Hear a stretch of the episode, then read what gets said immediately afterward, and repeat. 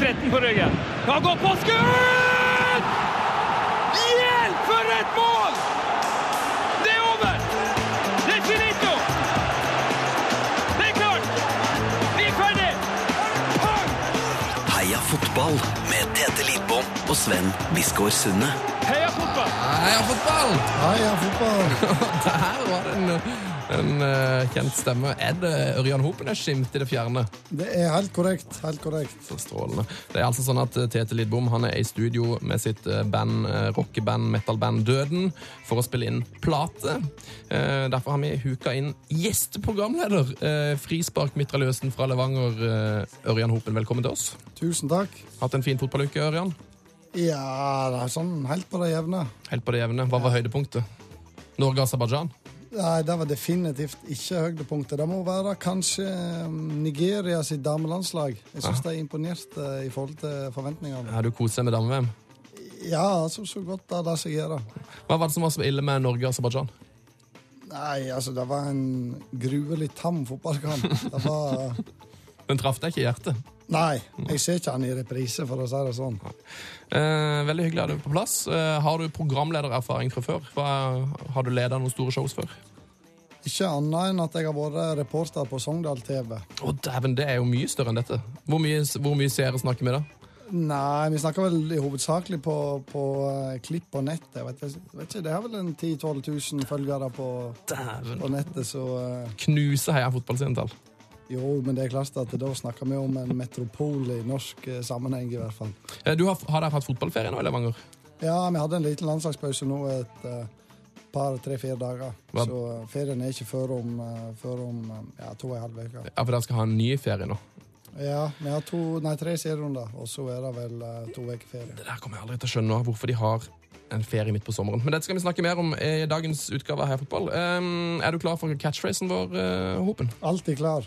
Det er ikke Stauner Pau. Eh, det er Oh Yes og Heia fotball! Heia fotball!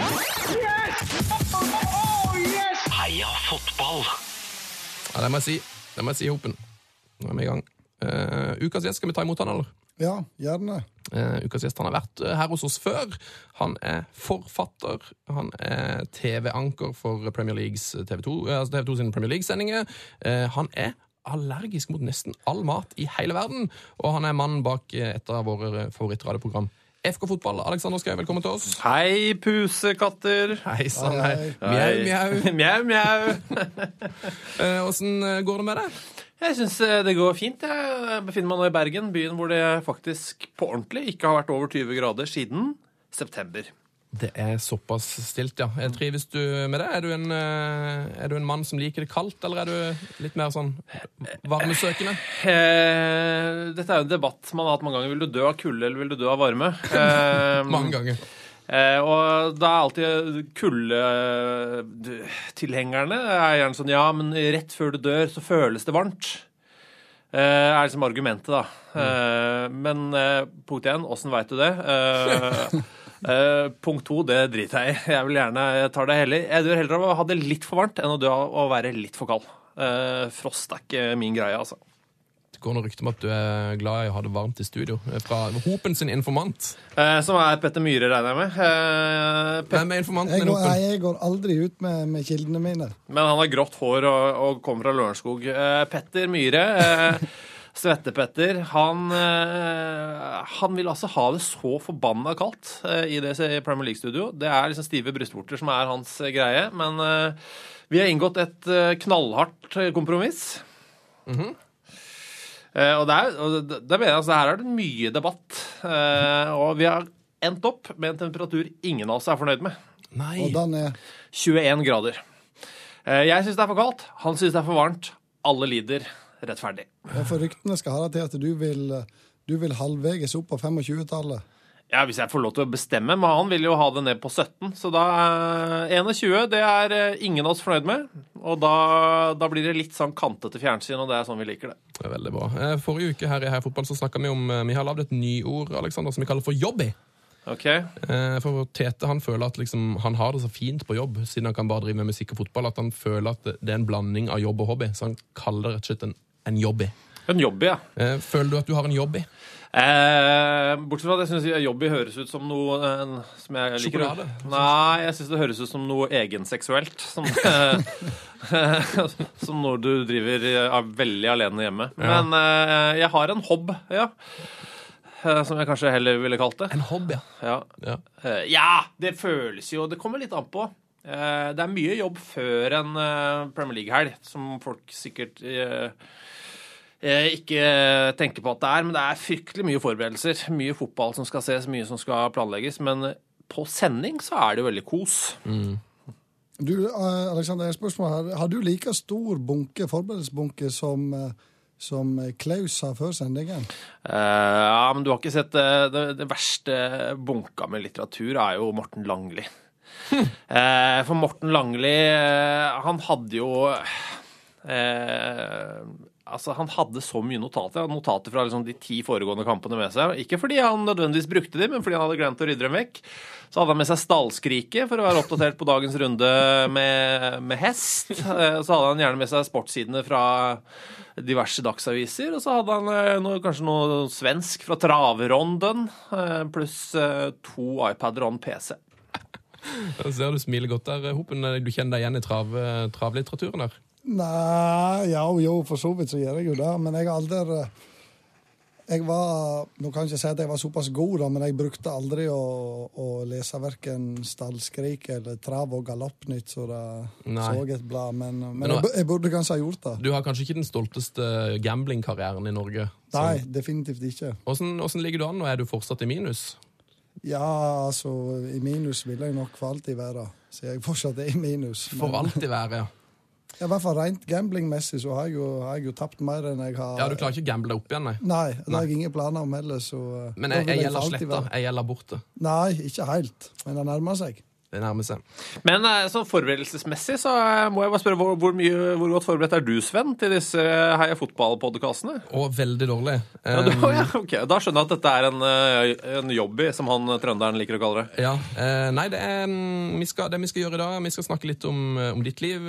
Alexander, jeg har forberedt ei side med spørsmål til det. Jøsse navn. Så skal vi sette opp ditt drømmelag, og det er det du som har forberedt. Så der har jo ikke jeg gjort noen forberedelse. Nei, Drømmelag syns jeg var å ta det litt langt. Jeg ble spurt om jeg kunne sette opp en elver. Ja, Eh, fritt tema. Så Ja. da ble det fritt tema. ja. Så det, det kommer et lag mm -hmm. seinere, og så får vi inn litt fra lytterne. Og så har jeg egentlig bare oppsummert fotballuka med oss Jeg har lest en del nyheter, da. Så der er det litt forberedelse. Ja, og så eh, på et eller annet tidspunkt så vil jeg, det, vil jeg ta opp noe med, med Hopen. Eh, et bunnpunkt i norsk fotball som, eh, som ikke Jeg vil ikke eh, slenge alt på Ørjans skuldre, for han har ikke noe, egentlig noe med det å gjøre, men han eh, var en deltaker. Ok, det kommer, eh, Jeg tipper dette kommer om et kvarters eh, 20 minutts tid. Jeg er eh, Du er klar? Jeg er som den keramikklumpen Patrick Swayze modellerte i eh, den flotte filmen Ghost. Oh, Ghost! Jeg, eh, jeg lar meg forme. Eh, vi må snakke litt om at TV 2 har kjøpt opp Seymour. Eh, jeg så at på På Europaligafinalen så ble jo det sendt i det som føltes som en samsending. Ja, Var ikke det koselig? Det var veldig koselig. Så vi som er fans, vi lurer på hva, hva skjer framover med TV 2 og Seymour. Blir det sånn at eh, TV 2 kommer til å sende alt? Eh, vet du noe mer om dette? Jeg vet ingenting. Null. Eh, der eh, tipper jeg at det, det kommer sikkert en avklaring over sommeren, tipper jeg. Det er, det er, for, Eh, det er for dårlig informasjon her. Nei, det er ikke nødvendigvis for dårlig informasjon, men det er jo en eh, Bare se for deg den kabalen som skal legges, da. Altså, det er eh, eh, det er, det er eh, mennesker eh, involvert her. Eh, altså, det er jo TV 2-ansatte og Seymour-ansatte eh, som det skal tas hensyn til. Det er rettigheter som er på utgående og innkommende, alt ettersom, som skal stables sammen. Så det er en Altså, den der logistikkabalen Jeg fikk et lite innblikk i det, og jeg, jeg begynte nesten å grine. For det er, det er for mye, ass. Det er, for mange, det, er, det er så mange mennesker og så mange tall, og Jeg skjønner ingenting av det. Så jeg vet helt på ordentlig Jeg vet Nada. ingenting. eh, Men eh, Men det må, det må jo komme en, klar, en, eh, avklaring snart, da. Du må tenke på de stakkarene som både skal, eller skal sette opp budsjettet sitt for høsten, om de både skal ha Seasports og TV2 Sumo. Ja. eh, jeg liker at du bare sier at jeg må tenke på det. jeg, er han, jeg er han fyren som, eh, som, som, som skal sitte og snakke om engelsk fotball på fjernsyn. Men uh, for all del, jeg skal ta ansvar. Ja. Nei, jeg skal ikke ta det videre. Jeg skal sette meg ned og løse kabalen ja, for deg. da er du på jobb. Ja, da er jeg på jobb. Eh, Du var på Wembley med jobben i året. Ja, La oss heller snakke om det. Det så ut som en bra tur. Ah, altså, det derre playoff-matchen eh, fra championship opp i Premier League eh, Folk tror jo at vi Altså, folk som misliker engelsk fotball, da, det fins jo mange av de, eh, og det er helt fair, det, men mange av de mener jo at vi hauser opp den kampen eh, unødvendig mye. Det er sludder og vås. Altså, den kampen ja, etter, etter Sevilla-derbyet med Real Betis-Sevilla, så er nok det den sjukeste kampen jeg har bevitna, eh, sånn stemningsmessig.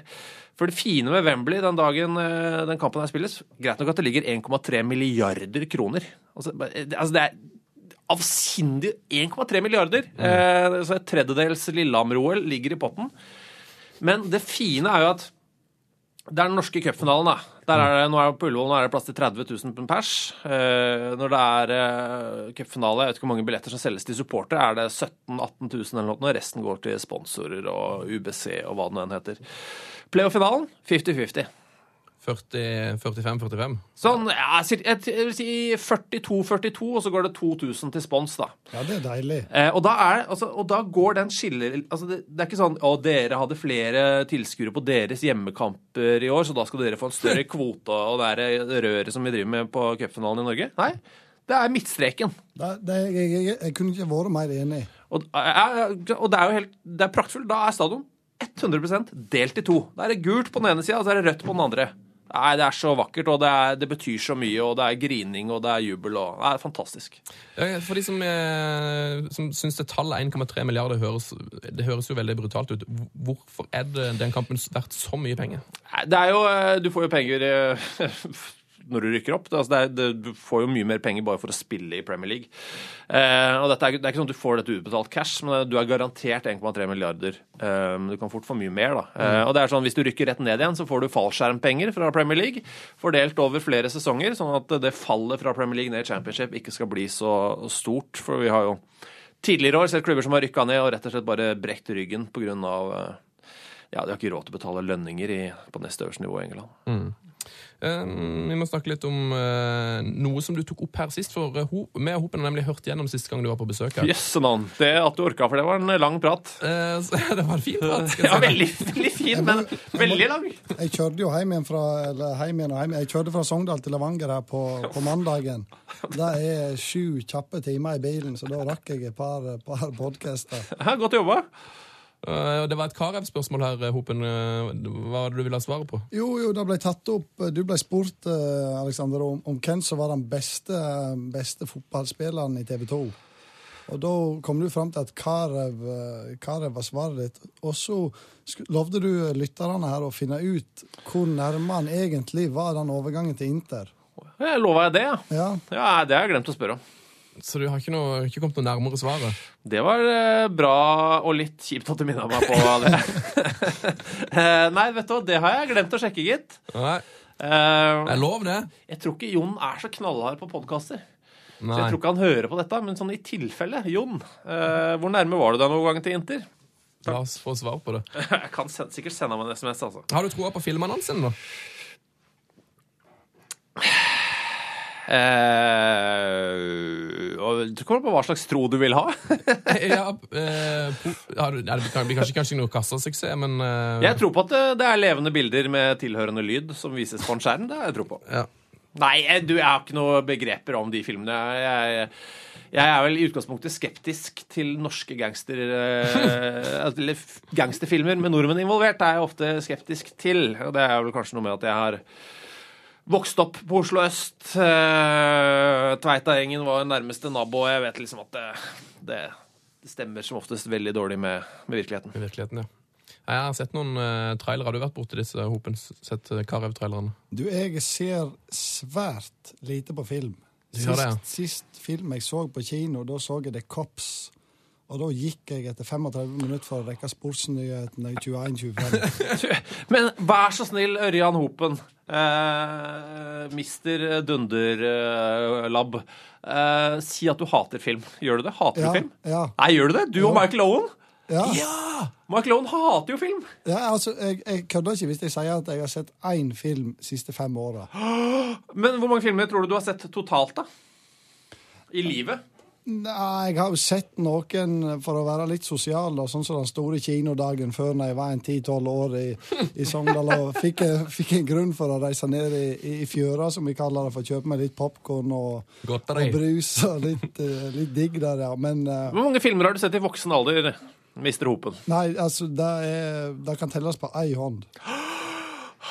Fantastisk. Du er den norske Michael Owen. Ja, det, ja men det, det, altså, jeg skjønner ikke Jeg, har aldri skjønt det, inn- eh, de som driver og ser på alt mulig sånn science fiction og Ringenes herre og dette der. Du får det knallbillig av meg. Det har ingen rot i virkeligheten. Det er bare å få det bort, som Bernt sier. Men, se, men ser du på TV-serier? Ja, det ser jeg mer av. Du vet at det er mye av det samme, bare i litt kortere format? ikke sant? Jo, men da, da ser jeg ting som har rot i virkeligheten. Okay. Så du ser ikke Game of Thrones? Nei, Nei. nei, nei, nei. Jeg ser, hvis jeg ser TV-serier Jeg har to favoritt-TV-serier. Og da kan de få lov å tippe begge to. Eh, Family Guy. Nei, Nei. det har ikke rot i virkeligheten. Jeg aldri sett. Uh, nei, det må kanskje Vestavind, da. Det må jo være noe vestlands uh, vestavindsgreier. Nei, dette her er, dette er klassikere i norsk historie. Er det Syv søstre? Og Ja, Det så jeg òg faktisk på, men, men det er ikke det jeg nå, Dette her kan jeg søke opp på YouTube. Mot i brøstet. Riktig. Oh, Mot ja. i brøstet og Carlo co. det er det beste. Det har rot i virkeligheten. Ja, det, det er helt fantastisk. Du verden. Å, det har lært meg noe. Vi- vi- vi- Ta det kjapt, eh, Alexander, du som husker alt. Eh, Disse Michael Owen-filmene var det, Han hadde sett ti stykker eller noe? Åtte? ja, det er vel åtte. Og det er, det er en så helt sånn miserabel eh, rekke med filmer han har sett. Og jeg, akkurat nå husker jeg ikke, men det er helt vanlige filmer pluss noen ordentlige shockers. Og det er ikke noe rart at han eh, Ikke liker den, nei. Nei, At han ikke liker film. Han har jo veldig dårlige rådgivere, men samtidig eh, Hvis du har lyst til å se noe skikkelig fælt med Michael Owen, eh, så må dere se på den der, det er videoen av han på YouTube der han flyr helikopter, altså. Du verden. Det er Jeg veit ikke. Jeg tror ikke noe jeg sier kan forklare hvor, hvor mørkt det der, det der er. Da oppfordrer vi bare folk til å rett og slett sjekke det ut. Nå, Hopen, skal du få straffesparket.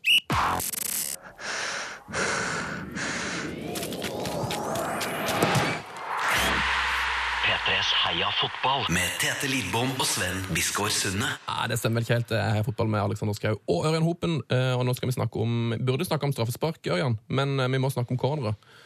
Ja. Eh, Hvor mange cornere har du, har du skåret på i ditt liv?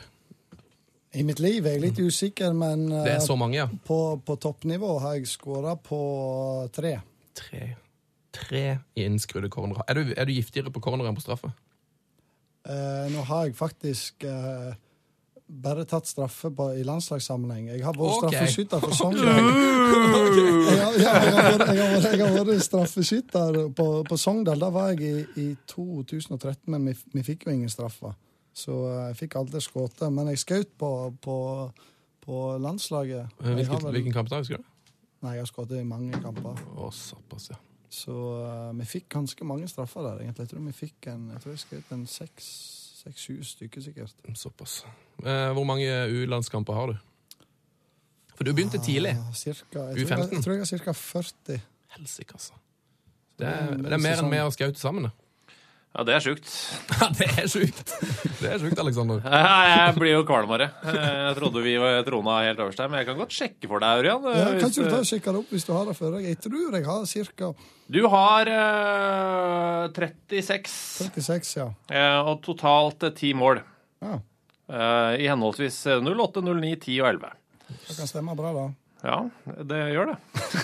Eh, eh, hvor er det du får Er det Wikipedia, eller har du en uh, Jeg har en, eh, Statzone, eller? Jeg har en, eh, en link som ikke fins på internett, men som er en eh, bakinngang til eh, de gamle historiske sidene til eh, Fotballforbundet. Men eh, de, Fotballforbundet hadde noen fantastiske statistikksider eh, tidligere. Eh, så tok de dem ned, men eh, basisen ligger der fortsatt. Men du må bare Oi, oi, ned i oi. det mørke, mørke, mørke nettet. Kan du linke det til oss på Twitter, og så kan vi få de ut til folk, eller? Eller er det Hodet ikke. Nei, det her er noe sånn noe dark web som du har snuka opp gjennom Nei da, jeg kan, eh, jeg kan sende det til deg, så kan du gjøre hva du vil med det. Det hadde vært helt strålende. Skal vi ta den eh, Vi har jo lovt at vi må tilbake i, i hopens historie her. Du har en opplevelse, Aleksander. Skal vi ta den nå? Nei, vet du, eh, Jeg, altså, jeg er vanvittig spent her. Vi skal eh, ganske nøyaktig fire år tilbake i tid. Uh, hvis jeg ikke husker feil, uh, så er det uh, 9. mai 2011. Kan hende at jeg bomma med en dag eller to, men jeg mener at det var 9. mai.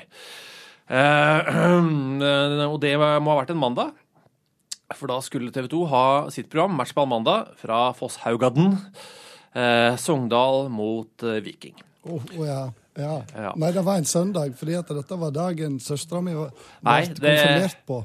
Det kan det ikke ha vært, for vi hadde matchball. Så, eh, ellers så hadde jeg aldri i verden reist på den kampen der. Så, Matchball mandag, ja. Det må ha vært mandag. Ja, men søstera mi ble konfirmert den ja, dagen. men- hva, hva dere driver med i Sogndal konfirmasjonsmessig, det kan ikke jeg ta ansvar for, Ørjan. Men eh, for å beskrive For å eh, ta dette på en annen måte, da. Eh, I pausen Eh, altså TV 2 sendte kampen, har intervjuer før og under kamp, uh, indrebanereportere osv.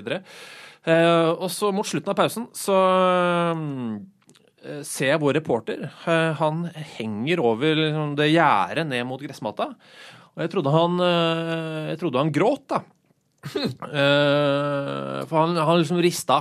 Eh, og så hang over gjerdet. Så jeg går ned og spør om det går, om det går bra.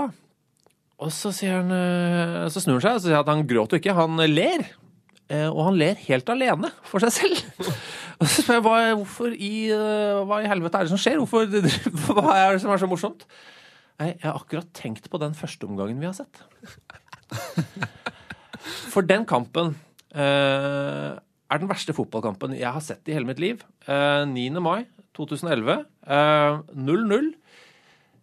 Sogndal gadd ikke engang gjøre alle byttene sine. Så ræva og kjedelig var den kampen. Ett bytte ble gjort. Det var Ørjan Hopen inn etter rundt 65 minutter. Da fikk, da fikk jeg meg gult kort den kampen her òg, eller? Eh, det kan jeg ikke tenke meg, for det skjedde ikke en dritt i den matchen. Men eh, det er altså uten tvil den verste Nei, du fikk ikke gult i den kampen der. Eh, uten tvil den verste fotballkampen jeg har sett. Og etter kamp så reiste eh, I tillegg så var jo den eh, på TV-bildene så var jo den der langsida fortsatt under bygging. Så det var stygge TV-bilder i tillegg. Ja, ja. Eh, Det var 2000 pers til stede på stadion, så det var nesten tomt. Og etter kamp så går alle som har vært med i produksjonen av denne kampen Det er ganske mange som, som jo du vet, Ørjan, det er mange som er med på å produsere en fotballkamp for fjernsyn. ja.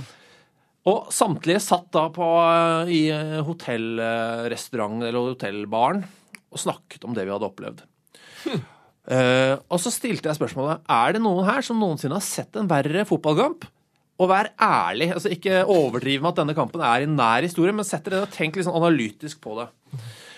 Og her har vi altså, Totalt oss imellom så har vi nok sett over 100 000 fotballkamper. Altså, Davy Vatne var der. Tenk deg hvor mange fotballkamper han har sett i løpet av sitt eh, 65-årige liv.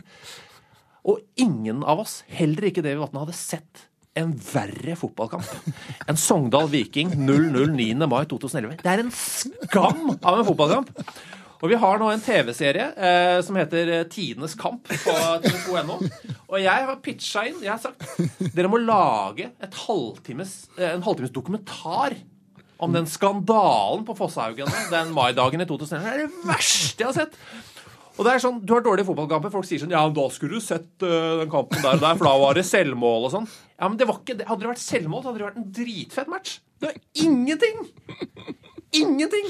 Nei, det er det mest sjokkerende jeg har sett av fotballkamper. Men Ørjan, du spilte bare 25, så du er unnskyldt. ja jeg, tror det, jeg tror det faktisk tok seg opp litt av siste 25 der. Det gjorde det ikke, men uh, det, er, det var ikke din skyld. Det var Nei, det var et skrekkabinett. Tenk deg det.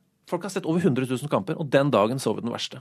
Men jeg lurer på om dette der var en av de første kampene Aabrek la om til fem bak der. Ja, Og skulle bura igjen. Og, Spille 5-5-0. Ja. Ja, Det er godt, det er godt mulig, men det er, jeg blir kvalm av å tenke på den kampen.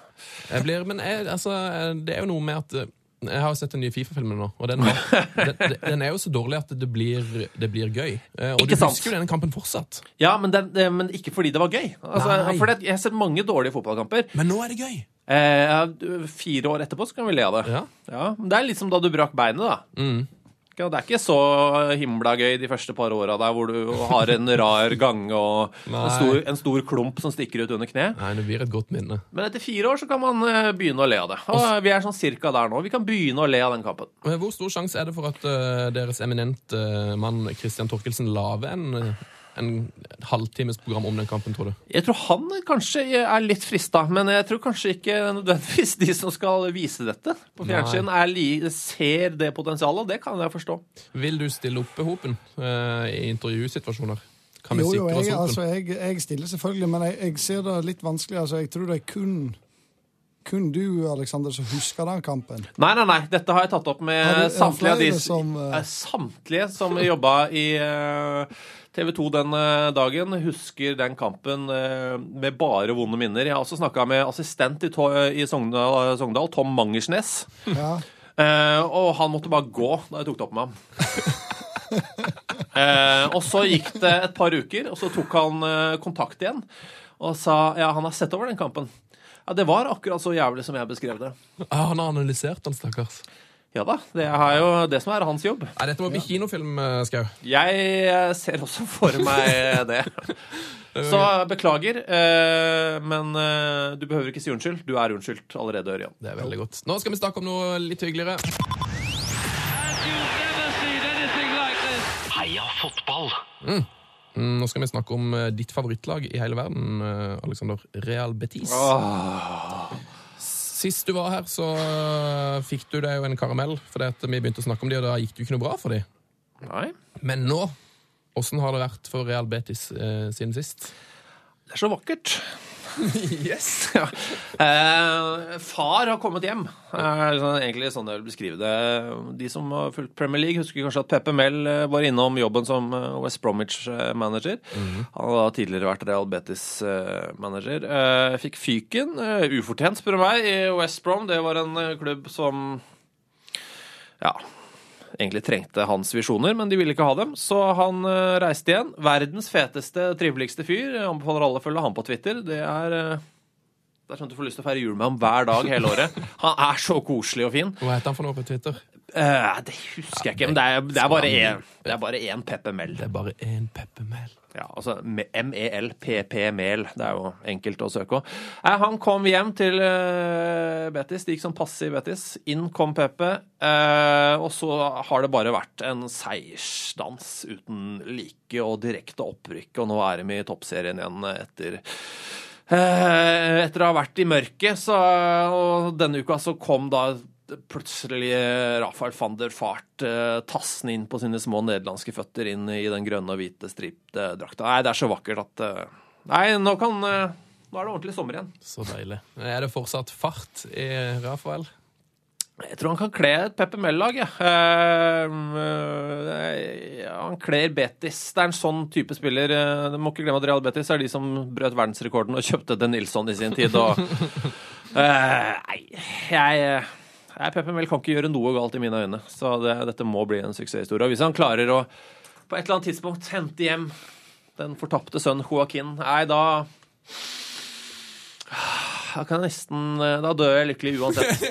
Men, men han eh, Nåsa, er han fortsatt godt gående i Betis, eller? Har du spilt mot Nåsa? Ja.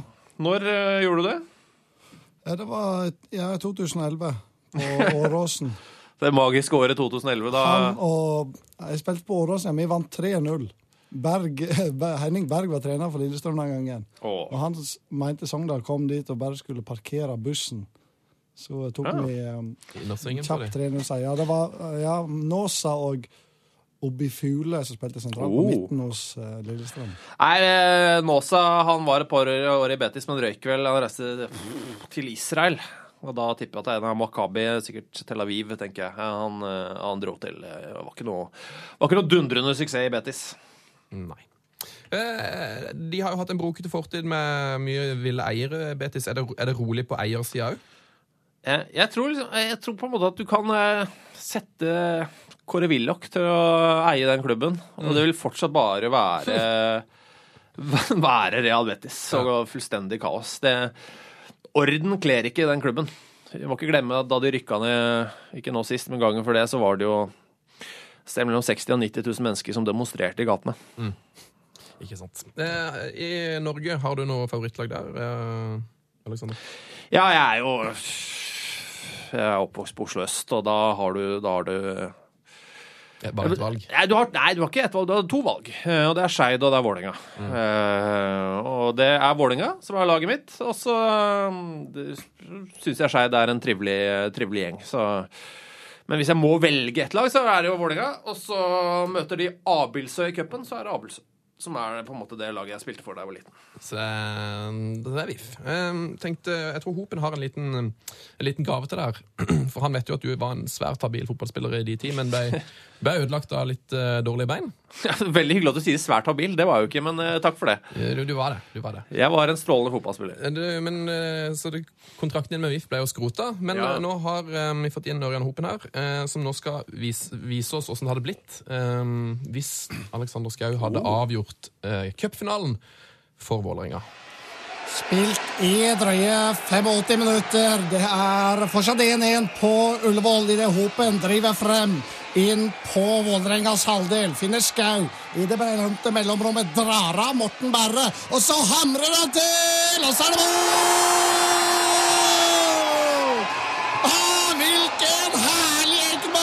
Enkeltmannsprestasjon av Skau! Han får den på 25 meter, drar av bare, og så hamrer han den i det lengste hjørnet! Og det er eh, Sogndal 2, Vålerenga 1! Ai, ai, ai, ai, ai, ai, ai, ai. Hæ? Ja, det er jo, det er jo rørende. Fantastisk. Uh, det beste rørende er jo egentlig Var, var det først på å snakke østnorsk, Hopen? Nei, men skal du ha en viss eh, Jeg kan ikke, jeg kan ikke kommentere på Sognamål. Det går ikke, det. Nei, jeg vet ikke. Det er fascinerende. Men eh, takk. Takk for det. Det er jo typisk meg, det der. Jeg synes du, har, ja, du, du var kjent for lange skudd i crush. Ja. Først, først og fremst Først og fremst det. Hvor er det du har fått kommentatortalentet fra, Hopen? Hvor er det, mm, hvem er det som er dine forbilder? Nei, jeg har bare Miksa og triksa litt? Ja, bare for moro skyld kost meg litt, og hvis jeg har kjedelige dager, så kjører jeg en liten strofe på, på Snapchat. Og så, Ja, Gjør du det? ja, ja, Så koselig. du må kan anbefale absolutt alle der ute å følge Hopen på Snapchat. Eh, er det Hopen19 der òg, eller? Hopen 19 der òg. Helt korrekt. 19. Kan du få, der kan du jo få travkommentering. Der får du eh, der får du, der får du det du spør etter. Vil du ha litt travkommentering nå, Skau, eller skal vi gå videre? Eh, nei, vi kan bare stille et sånn travspørsmål til Hopen. Ja. Hvor gammel er Først, Hopen, hvor gammel er du?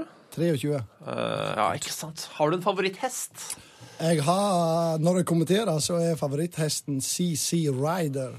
Ja, selvfølgelig. Men, eh, men favoritthesten rent eh, sportslig må være Yara Boko. Åh. Nei, jeg bare, jeg bare elsker å høre For hver gang folk snakker om favoritthesten sin, så blir det sånn åh, så blir det sånn, det blir sånn kjærlighet i stemmen. Det er vakkert å høre. Atom Winter uh, her. Åh! Rex Rodney her. Eh, eventuelt Sugar nå for som jo var. Uh, og Steinlager, i og for seg. Men han var jo pen. Det ble jo norsk seier nå på Oslo Grand Prix òg. Ja, hva heter det? Sugarlight? Nei. Ja, BB Sugarlight. Dæven. Dæven. Da, men eh, da har jeg fylt travkvota for i dag, jeg. Så bra! Heia fotball. Og litt eh, Premier League-snakk må vi eh, gjerne eh, kose oss med. Du, eh, dere har kanskje allerede begynt forberedelsene på neste sesong, dere, Alexander? Eh, Nja Det er eh, Ja, noe er det vel. Eh, men det er litt sånn eh, det, er noe, det er så mye mesterskap som foregår rundt omkring. Så ja, altså, Kåpa og VM og alt mulig rart. Og- og U20, ja, ja. ja, U21-EM, pluss at vi har noe eh, Vi driver med noen biggerskjefter i tillegg, Thomas Aune og jeg. Så det er ja, hva er det dere driver med? eh, Denne sommeren brukes det å skrive bok nummer fire. Så gøy. Om hva da? I engelsk fotball. Vi lover og sjokk, sjokk og vantro. Nei, vi, vi hadde jo den eh, om norsk fotballhistorie, eh, uten alt det kjedelige. Nå kommer eh, engelsk fotballs historie uten alt det kjedelige. Så deilig. Når kan man, eh, kan man få den under juletreet, f.eks.? Det kan man definitivt gjøre, men da må vi bare, det er derfor vi da jobber mye med den nå. Ja, bli Eh, ferdig med den, ja, det er sikkert lurt. Eh, Det må vi bli ferdig med før sesongen begynner, men eh, tipper uh, Skal vi tippe tredje uka i oktober?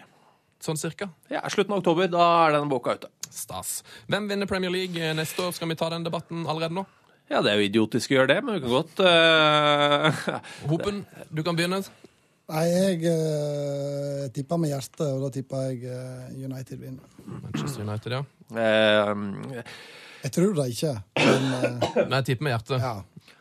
Det er Det er vel i det er vel ikke den perfekte måten å gamble på. Um, eh, jeg mener jo f.eks. at tabelltips er veldig gøy, men det er, det er idioti.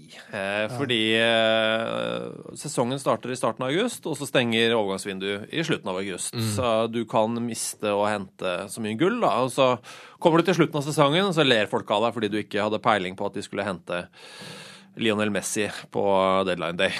Dumme, dumme deg. Men eh, Chelsea vinner eh, neste sesong eh, også, men bak der så blir det ja, Da er det fram med, med øks og klubbe. Det blir et voldsomt race. Det blir spennende å se. Jeg, så, jeg er i hvert fall veldig glad for å se terminlista. Jeg så at United altså med maksimal klaff kan vinne de sju siste kampene. Har utrolig lett avslutning. Og det, det er jo litt sånn undervurdert, syns jeg, det der kampoppsett. eh, tankegangen. Ja, hver gang eh, terminlista skal offentliggjøres, så er det sånne smartasses på Twitter og sånt, noen som sier ja, jeg blir, eh, gleder meg, ass. Blir overraska. Kanskje alle møter hverandre to ganger. Så, så, ja, det, vi, vi er klar over det, men vi har også sett vi er ikke tjukke i huet når vi eh, setter oss ned og ser på f.eks. Premier League-terminlista. fordi det er de tre fasene. Det er eh, sesongåpning, sesongslutt og så juleprogrammet. Eh, hvis de er sånn noenlunde ålreit, så har du en gyllen sjanse. Vi har sett eh, Chelsea stikke av, få seg en luke etter sju-åtte runder.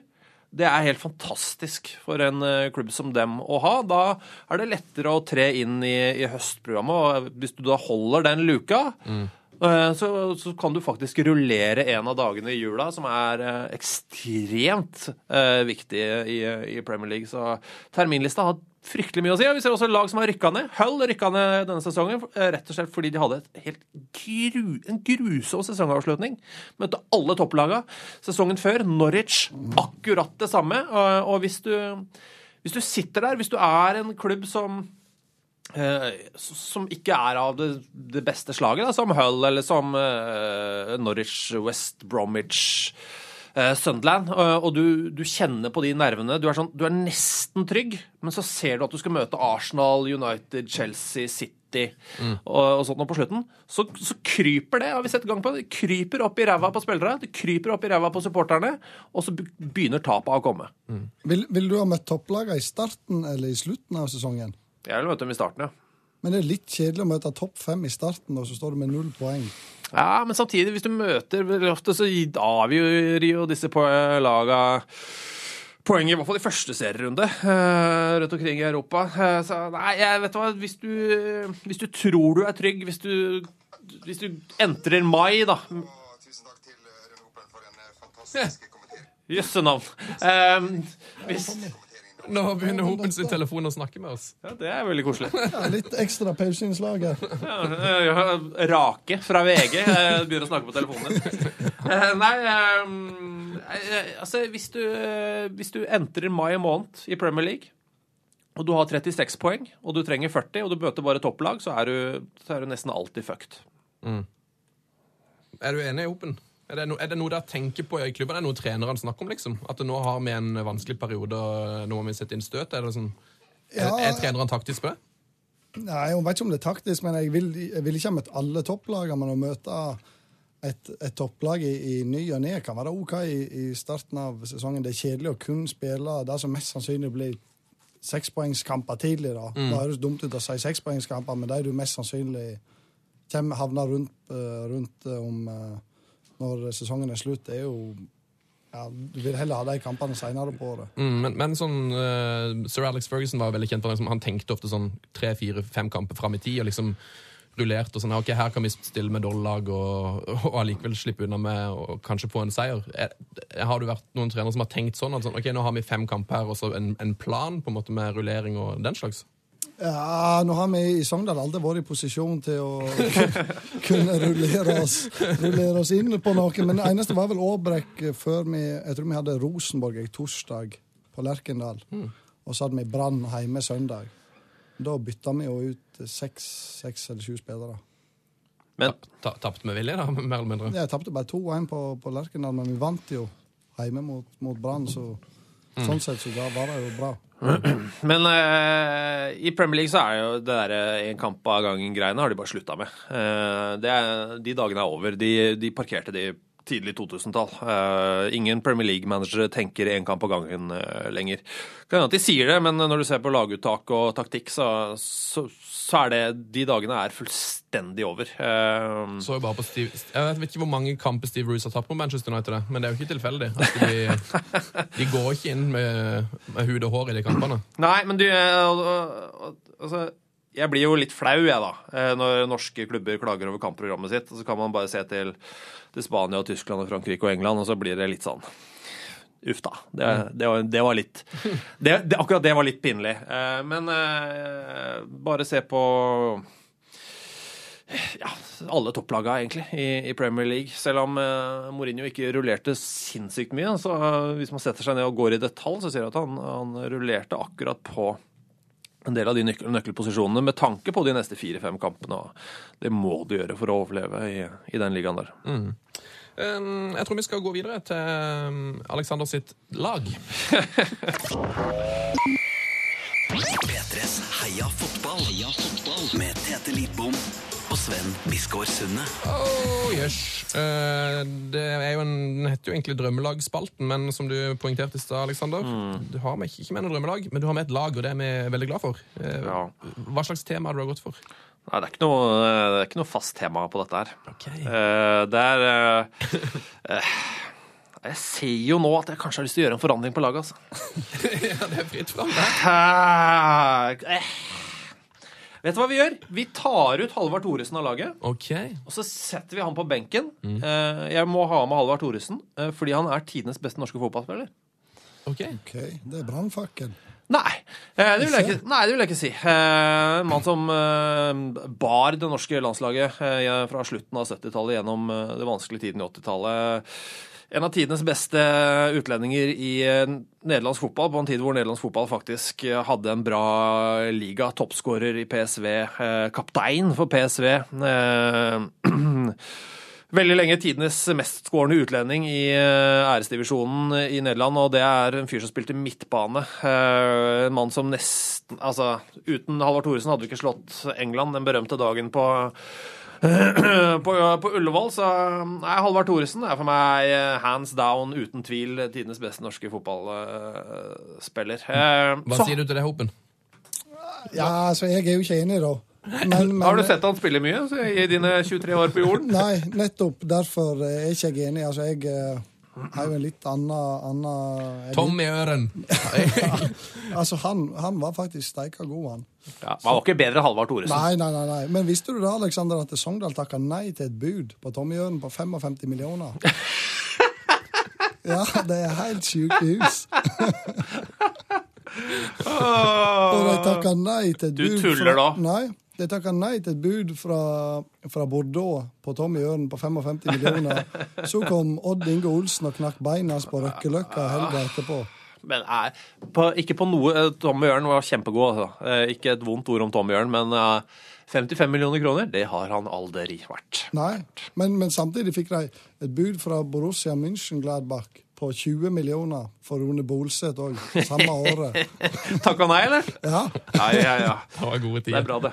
Økonomi. Eh, men eh, Så jeg, jeg flytter litt på laget, jeg. Men eh, jeg har et lag, altså. Så bra. Eh, ordet ditt. Eh, banen er din.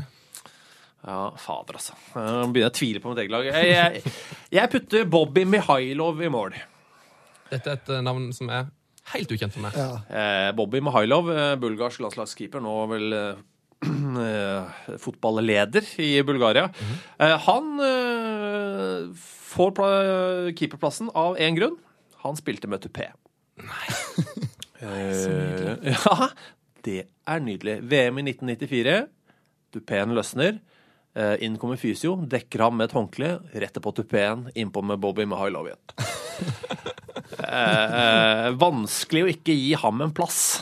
Dette her er vakkert. Ja, eh, jeg, sy jeg syns jo det. Det var en City-spiller som hadde tupé òg, var det ikke det? Eh, Han Hva heter han, da? Ireland? Steven Ireland spilte ikke med tupé én sesong eller sånt? Ja, altså det er vel Du kan jo se på hårfestet til Steven Ireland. rett før han Rett før og Altså, han shava seg jo. Ja. Eh, og så rett før det så var det mye hår, og rett før det igjen Lite hår.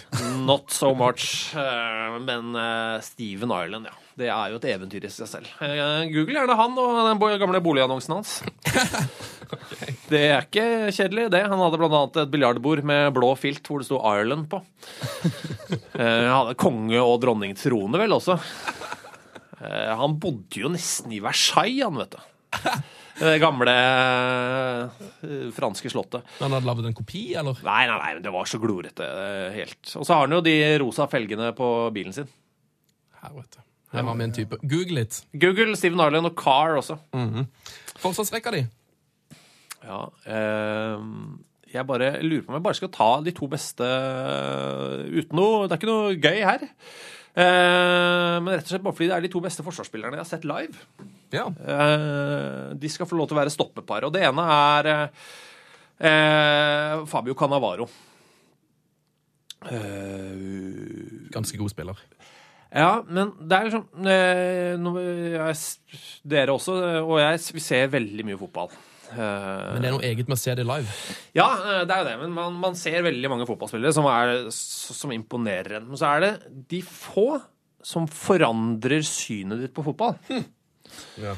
Eh, som, som på en måte forandrer synet ditt på en rolle, da. Eh, og da vi var på, i Tyskland under VM i 2006, så reiste vi rundt. Thomas Aune og jeg, vi så totalt 23 av eh, de 64 kampene så vi live. Jeg tror vi så alle unntatt én av kampene til Italia. Eh, og det Cannavaro dreiv med der, eh, det har folk glemt litt. For det, det der var av en annen verden. Han omdefinerte hva det vil si å være en god midtstopper for veldig mange mennesker. Han, han er jo to Pepsi Max høy. Bitte liten. Eh, best i lufta, best på bakken, best posisjoneringsmessig. Eh, taktisk suverent klokest på banen. Altså, han, han var så fullkommen da, i den måneden i Tyskland. Jeg har aldri sett på maken. Eh, og at eh, Zidane ble kåra til VMs beste spiller der, det er bare en sånn trøstepremie fordi han skulle legge opp. Eh, Cannavaro var hands down, uten tvil. eh, Det er VMs suverent beste spiller. Og, eh, nei, han får en soleklar plass på, på laget, rett og slett. Fordi han, eh, han var så god at det var litt rørende å se på. Han, eh, han har, jeg har ser på merittene hans her fra 2006. Eh, vant sølvballen i VM. Eh, var på årets lag i VM. Eh, ble Serie A Footballer of the Year og World Soccer Player of the Year. Så det var, det var, han var på høyden på den tida der. Ja, han var på høyden. eh, og ja, han var guddommelig. Og det kan man også si om John Terry og Rio Ferdinand de skal være glad for én ting i sine karrierer. Og det var at Ledley King, som er på mitt lag, eh, var så mye skada. Eh, jeg hatt gleden av å se Ledley King eh, eh, live eh, fire-fem ganger. Eh, og det var også Det er en grunn til at Thierry Henry beskrev han som den beste forsvarsspilleren han noensinne har møtt. Men han, han spilte ikke han flere kamper enn han trente de siste fire-fem åra? Eh, han, han spilte ikke fotball i uka. Eh, han kom inn, eh, han trente i 90 minutter eh, eh, Time, 90 minutter nesten hver dag, men det var aldri med ball. Eh, det var i basseng. Det var tøyeøvelser, det var eh, eh, Og så kom helga. Og så hvis han var frisk, så, så gikk han til manageren og sa jeg er frisk, jeg kan spille, og da spilte han. Det Altså, er jo helt overlegent. ja, og så var han best. Altså, selv om han ikke spilte fotball i uka, så var han fortsatt best. Uten knær. Ja, altså, han, ja det var ikke noe, er ikke noe igjen i de knærne hans. Og øh, når du får det skussmålet fra Henri øh, Og det er ikke bare det at han var god altså, og ubehagelig å møte, men han var også fair. Eh, aldri noe, aldri noe tjuvtriks, aldri noe griseri. En utrolig spiller som eh, Tottenham tar veldig godt vare på nå. Altså, Ledley King er ikke den, nødvendigvis den smarteste gutten i klassen, men eh, en fin fyr og en eh, ambassadør for klubben som, eh, som de kommer til å ta godt vare på. Eh, så han er på laget. Det er et greit stopper for det. På bekken så kjører vi Peter Story. Eh, gamle Arsenal-spilleren som eh, ble arrestert for å drive bordell. Nytt navn for meg, det her òg. Eh, og, som også måtte i fengsel for å, å ha smugla pornofilmer i et eh, bildekk. Så han må liksom med, da, føler jeg. Her er det bare Google, tror jeg. Peter Story. Ja, det er et eh, Ja, det, det er noe annet. Er det venstre eller høyrebekk han får lov til å bekle? Du kan få lov til å velge. Vi kan, vi kan gi ham venstrebekken med. Ja. Jeg, jeg vil ha en, eh, en kvinne på den andre. Eh, hun spilte Og dette Altså Det er jo eh, VM I Canada. i Canada, som er veldig gøy. Eh, eh, og Norge har et ålreit lag. Ikke et fantastisk lag, men et ålreit lag med mange um, spennende typer. Eh, men Norge var jo fantastiske på 80-tallet. Og jeg var jo selv på Ullevål og så Trude Stendal avgjøre for eh, Norge i EM eh, i 1987. Eh, en litt sånn skjellsettende opplevelse for en for en tolvåring fra Oslo øst. Mm. men Gunn Nyborg skal jeg ha på bekken. Eh, fordi hun eh, altså den, den bragden hun gjorde altså Hun var jo grisegod, det er jo så, men hun spilte samtlige eh, av Norges første 110 landskamper i fotball. Fantastisk. Tenk deg det! Samtlige. Samtlige. Altså, landskamp 1, Gunn Nyborg. Landskamp 110, Gunn Nyborg. Og alle imellom. Eh, fantastisk karriere. En utrolig kul eh, fotballspiller. Og ja, det er noen av de pionerene i kvinnefotballen som virkelig må hylles. Og Gunn, Wow. eh, Gunn Nyborg er, eh, er en av dem. Og jeg kunne ha tatt med Heidi Støre på dette laget her også. Eh, dama med 151 landskamper. Men eh, nøyer oss med, med Gunn i dag. Fantastisk. Jeg ser her at hun har vært proff i Japan i en klubb som heter Nico. Ja. Så hun har levd litt. Ja, vi hadde, hadde jo en del norske proffer i, i Japan. Hun mottok òg Fifas høyeste utmerkelse, Order of Merit. Ja, Det er ikke så rart, for hun var eh, 110, 110 første. Ja, Rått. det er innafor. Da får du plass på laget. Ja. Eh, skal vi se skal, Så må vi ta ut Halvard Thoresen. Han skal på benken. Og så um, Akirilaktig. Der kom han, ja. Der kom han. Han har, eh, han har jeg hørt det snakk om før. Ja, jeg elsker Aki. Eh, kom fra HJK Helsinki. Eh, Han spilte Champions League med dem. Eh, kom til Vålerenga. Eh, og er veldig åpen på at han ikke er en så veldig god fotballspiller sjøl, eh, men han hadde to ting. Eh, og det var Eller ja, flere ting. Han hadde innstilling da, og taklings... Eh, han var fryktelig god til å takle. Eh, og så hadde han en eventyrlig innstilling til faget sitt. Eh, og Eh, selv om han ikke var en dribler. Eh, han kunne ikke gjøre raid. Han var ikke en spesielt god taklings... Nei, pasningsspiller. Han takla, stjal ballen, og så ga han til sin nærmeste medspiller, som da fikk lov til å gjøre noe gøy med ballen. Eh, men han hadde det. I tillegg så hadde han, som jo overraskende ofte skjer med litt sånn begrensede fotballspillere, han hadde også en eventyrlig timing i boksen. Så eh, Aki har skåra en del mål. Men de er jo stygge nesten alle sammen. Han har noen, han har noen susere fra 25 og sånn, det er ikke det. Men han har veldig mange der hvor han kommer bare ramlende inn i boksen, og så treffer ballen ham i, i kneet eller ræva eller et eller annet sånt, og så går han inn, da. Men den timinga, den hadde han. Fantastisk. Eh, og så var han en fin fyr. Eh, og jeg likte alltid at før kamp så, for Vålinga, så eh, rett før dommeren blåste, så tok han rennafart, et 20-metersløp, mot motstanderen, og satte inn en sånn prøvesklitakling. Ja, det er det! Han, han eh, tre, trente litt. Ja, bare for å vise at eh, Da, da er du klar. ja, du er sånn, jeg er her, jeg, bare så dere vet det. Og denne mannen holder Halvard Thoresen på benken. Ja eh, Aki er jo nå sportssjef i, eh, i sin gamle klubb HJK Helsinki og gjør visstnok en fantastisk jobb. Virkelig helt fantastisk jobb som også administrator. Verdens fineste fyr. Jeg vet ikke om han fortsatt er medlem av klanen, men han var i hvert fall det selv da han spilte i Crystal Palace. Eh, kan godt gjøre et intervju på norsk, men han er veldig dårlig i det. Men han kan godt gjøre det hvis det er det du vil, fordi Ja. han er så snill. Så deilig. Eh, han skal få lov til å få besøk av en annen gris, Chick Charnley. Ah, Nei, aldri hørt om. Skotte, fly forbanna. Eh, bi- biografien hans het 'Seeing Red'. 17 røde kort. uh, Mandy. Den biografien der, den er stygg, altså. 17 røde kort i Skottland, eller? Ja, det er jo et poeng. For det er jo, det er jo noe helt De annet skotske røde kortene er noe helt annet enn de portugisiske, for Du eksempel. vet, De er ikke røde, de. de er burgunder, de. Eh, men Chick Charlie ble jo hasla på en trening i en, eh, en park eh, av to fyrer som kom med eh, en ordentlig vond bikkje. Eh, han svarte tilbake, og så kommer de gutta tilbake da med samuraisverd. Oi. Og skal ta han. Eh, hva velger Chick Charlie å gjøre? Han plukker opp en plastkjegle og jager dem. Eh, tar dem igjen og brekker samuraisverdet. Så jeg tror han og Aki utpå der Tror det Styrer med frykt. Ja, da ble det spilt mange baller over midtbanen, tror jeg.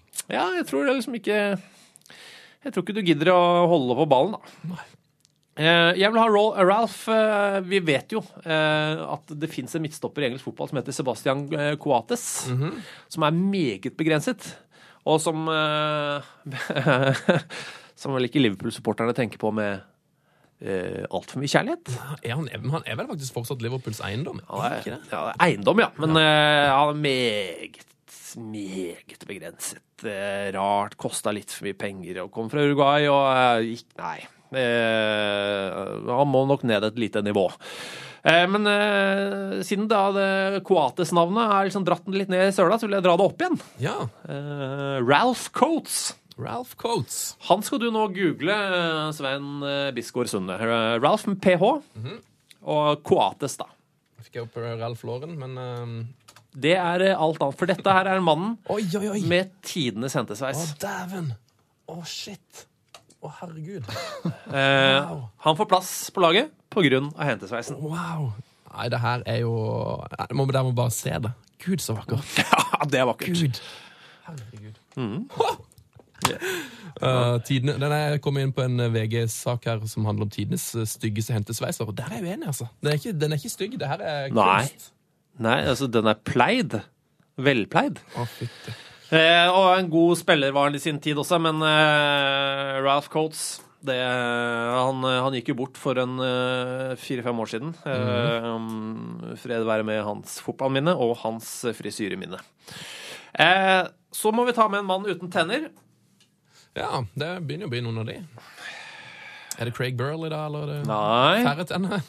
Nei må se om du klarer det, da. Å nei, jeg er så god er jeg ikke. Alexander, det må det må Gammal hjelpes. Manchester United-spiller. Gammal. Hvor gammel? Eldgammel. Joe Jordan. Joe Jordan. Ja. Eh, han som eh, sammen med Nobby Styles oppfant dette med ikke ha tenner. Eh, er fryktelig stygge bilder av ham uten tenner. eh, uten fortenner. Eh, men han eh, får ikke plass på laget nødvendigvis for grunn av det. Nei? Eller at han er uh, sitter fast i hofta til Harry Rednap hele tida og får eh, assistentjobber overalt. Men han får det fordi eh, han eh, var så grei i sin tid da han var i Bristol City, at han eh, inviterte Vegard Hansen til å feire jul hjemme hos ham. Nei. Eh, Og det er så rart når du ser bilder av Joe Jordan. Hvis du, hvis du googler bilder av Joe Jordan og Teeth, for eksempel. Ja. Eh, Det er mye googling her. Eh, Og så tenker du denne mannen inviterte Mjøndalens trener Vegard Hansen hjem til seg for å feire jul.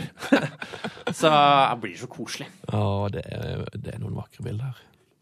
Joe Jordan, ja, strålende. Eh, Da er det to, to plass igjen. Er det to spiss, eller har du en, en tierrolle her som ligger litt fritt, eller?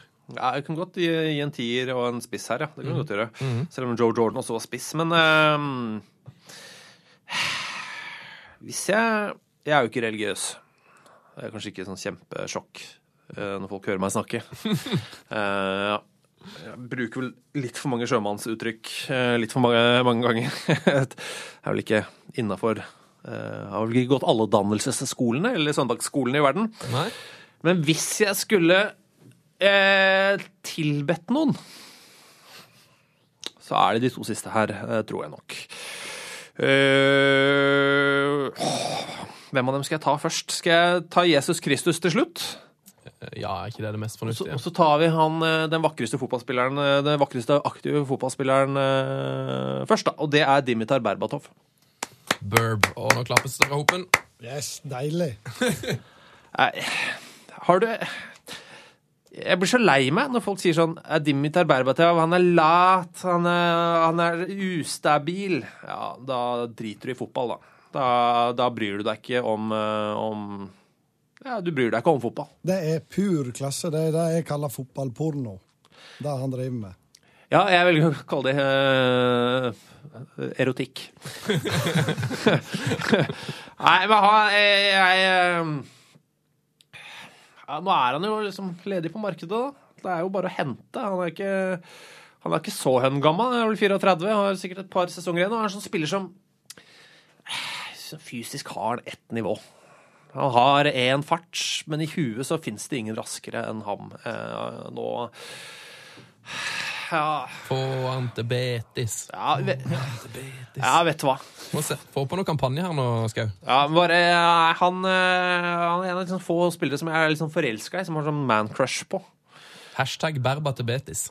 Ja, gjerne det. Eh, Berbatov, Dimitar Berbatov, eh, eh, Ørjan Hopen og jeg, vi elsker deg. Ja, det er helt korrekt. Pelé sa en gang i tiden at Ikke om Berbatov, men om sistemann på laget, at dette er den spilleren som har ligna mest på meg eh, spillemessig. Han er en av de mange som har blitt kalt den hvite Pelé hjemme i Brasil. En av Dette er vanskelig, dette er vanskelig for meg. Eh, Slapp av nå. slapp av nå. Dette går bra. En, en, vi skal tilbake til sommeren 1982. Eh, jeg var utendørs. Dette her tror jeg jeg fortalte dere før, men jeg var, jeg en kjapp sånn recap. Jeg var utendørs og lekte. Det var VM i fotball i Spania. Eh, og så vet jeg ikke hvem det var som ropte. Eh, det var ikke moderen eller faderen, det var noen andre eh, som ropte at vi måtte slutte å leke. Det er ganske sjelden kost. Man vil jo gjerne at ungene bare blir ute og leker til de ikke orker mer. Men da fikk jeg ikke lov til å leke mer. eh, Fordi jeg måtte inn eh, fordi Diego Maradona var på TV. Og det er ikke Diego Maradona som har plass på laget mitt. Men jeg fikk beskjed om å gå inn fordi Maradona var på TV. Eh, Og, og den beskjeden har på en måte forandra mitt liv, da. Det, den beskjeden gjorde at jeg gikk inn og så alt fra det VM-et i 1982. Jeg var sju år gammel. Eh, og hadde det ikke vært for at uh, han fyren sa 'slutt å leke', gå inn og se på TV, så hadde jeg jo ikke hatt den jobben jeg har i dag. Uh, så, så enkelt er det. Eh, men det var jo ikke, eh, for all del Maradona var nydelig. Eh, Frankrikes Alain Giresse. Eh, den lille, stutte mannen der. Jean Tigana. Fantastiske fotballspillere. I ettertid så sitter, driver folk og snakker om Brasils Sokrates, f.eks. Ja, han hadde skjegg og røyka og hadde pannebånd. Ja, jeg syns han, jeg synes han var kul. Stilig. Jo, jeg syns han var kul, og alt det der, men, men han var ikke Jesus Kristus for meg. Ja, og det var eh, mitt eneste, eller mitt første religiøse øyeblikk. Det var første gang jeg så Zico spille, spille fotball. Eh, det er det, ved siden av min kone, det vakreste jeg har sett. Så Nydelig. Eh, enkelt og, og greit. Og eh, det er ofte sånn når du ser gamle fotballspillere på YouTube, da, ikke sant? folk hører om og Diego Maradona, så går de inn og googler han, så ser de en del forsvarsspillere som er treige og henger etter. Eh, da skjønner man jo ingenting. Da, da angriper man jo fotball på feil måte. Men jeg, da, man skal jo nyte det for det det er. Men Zico Når du hører på de banda du hørte på som liten, som du ikke har hørt på på mange år, og så hører du det igjen, så tenker du at det her har ikke holdt seg så bra. Sant? Eller kanskje eh, hun du var forelska i i tredje klasse, og så ser du det gamle klassebildet, så tenker du hva i alle dager var det jeg drev med? Når jeg eh, ser gamle klipp av Zico, så, så, så er det fortsatt eh, guddommelig. Altså, han holder Blir religiøs. ja, men han, hold, uh, han holdt i 1982, i 1984, i 1986.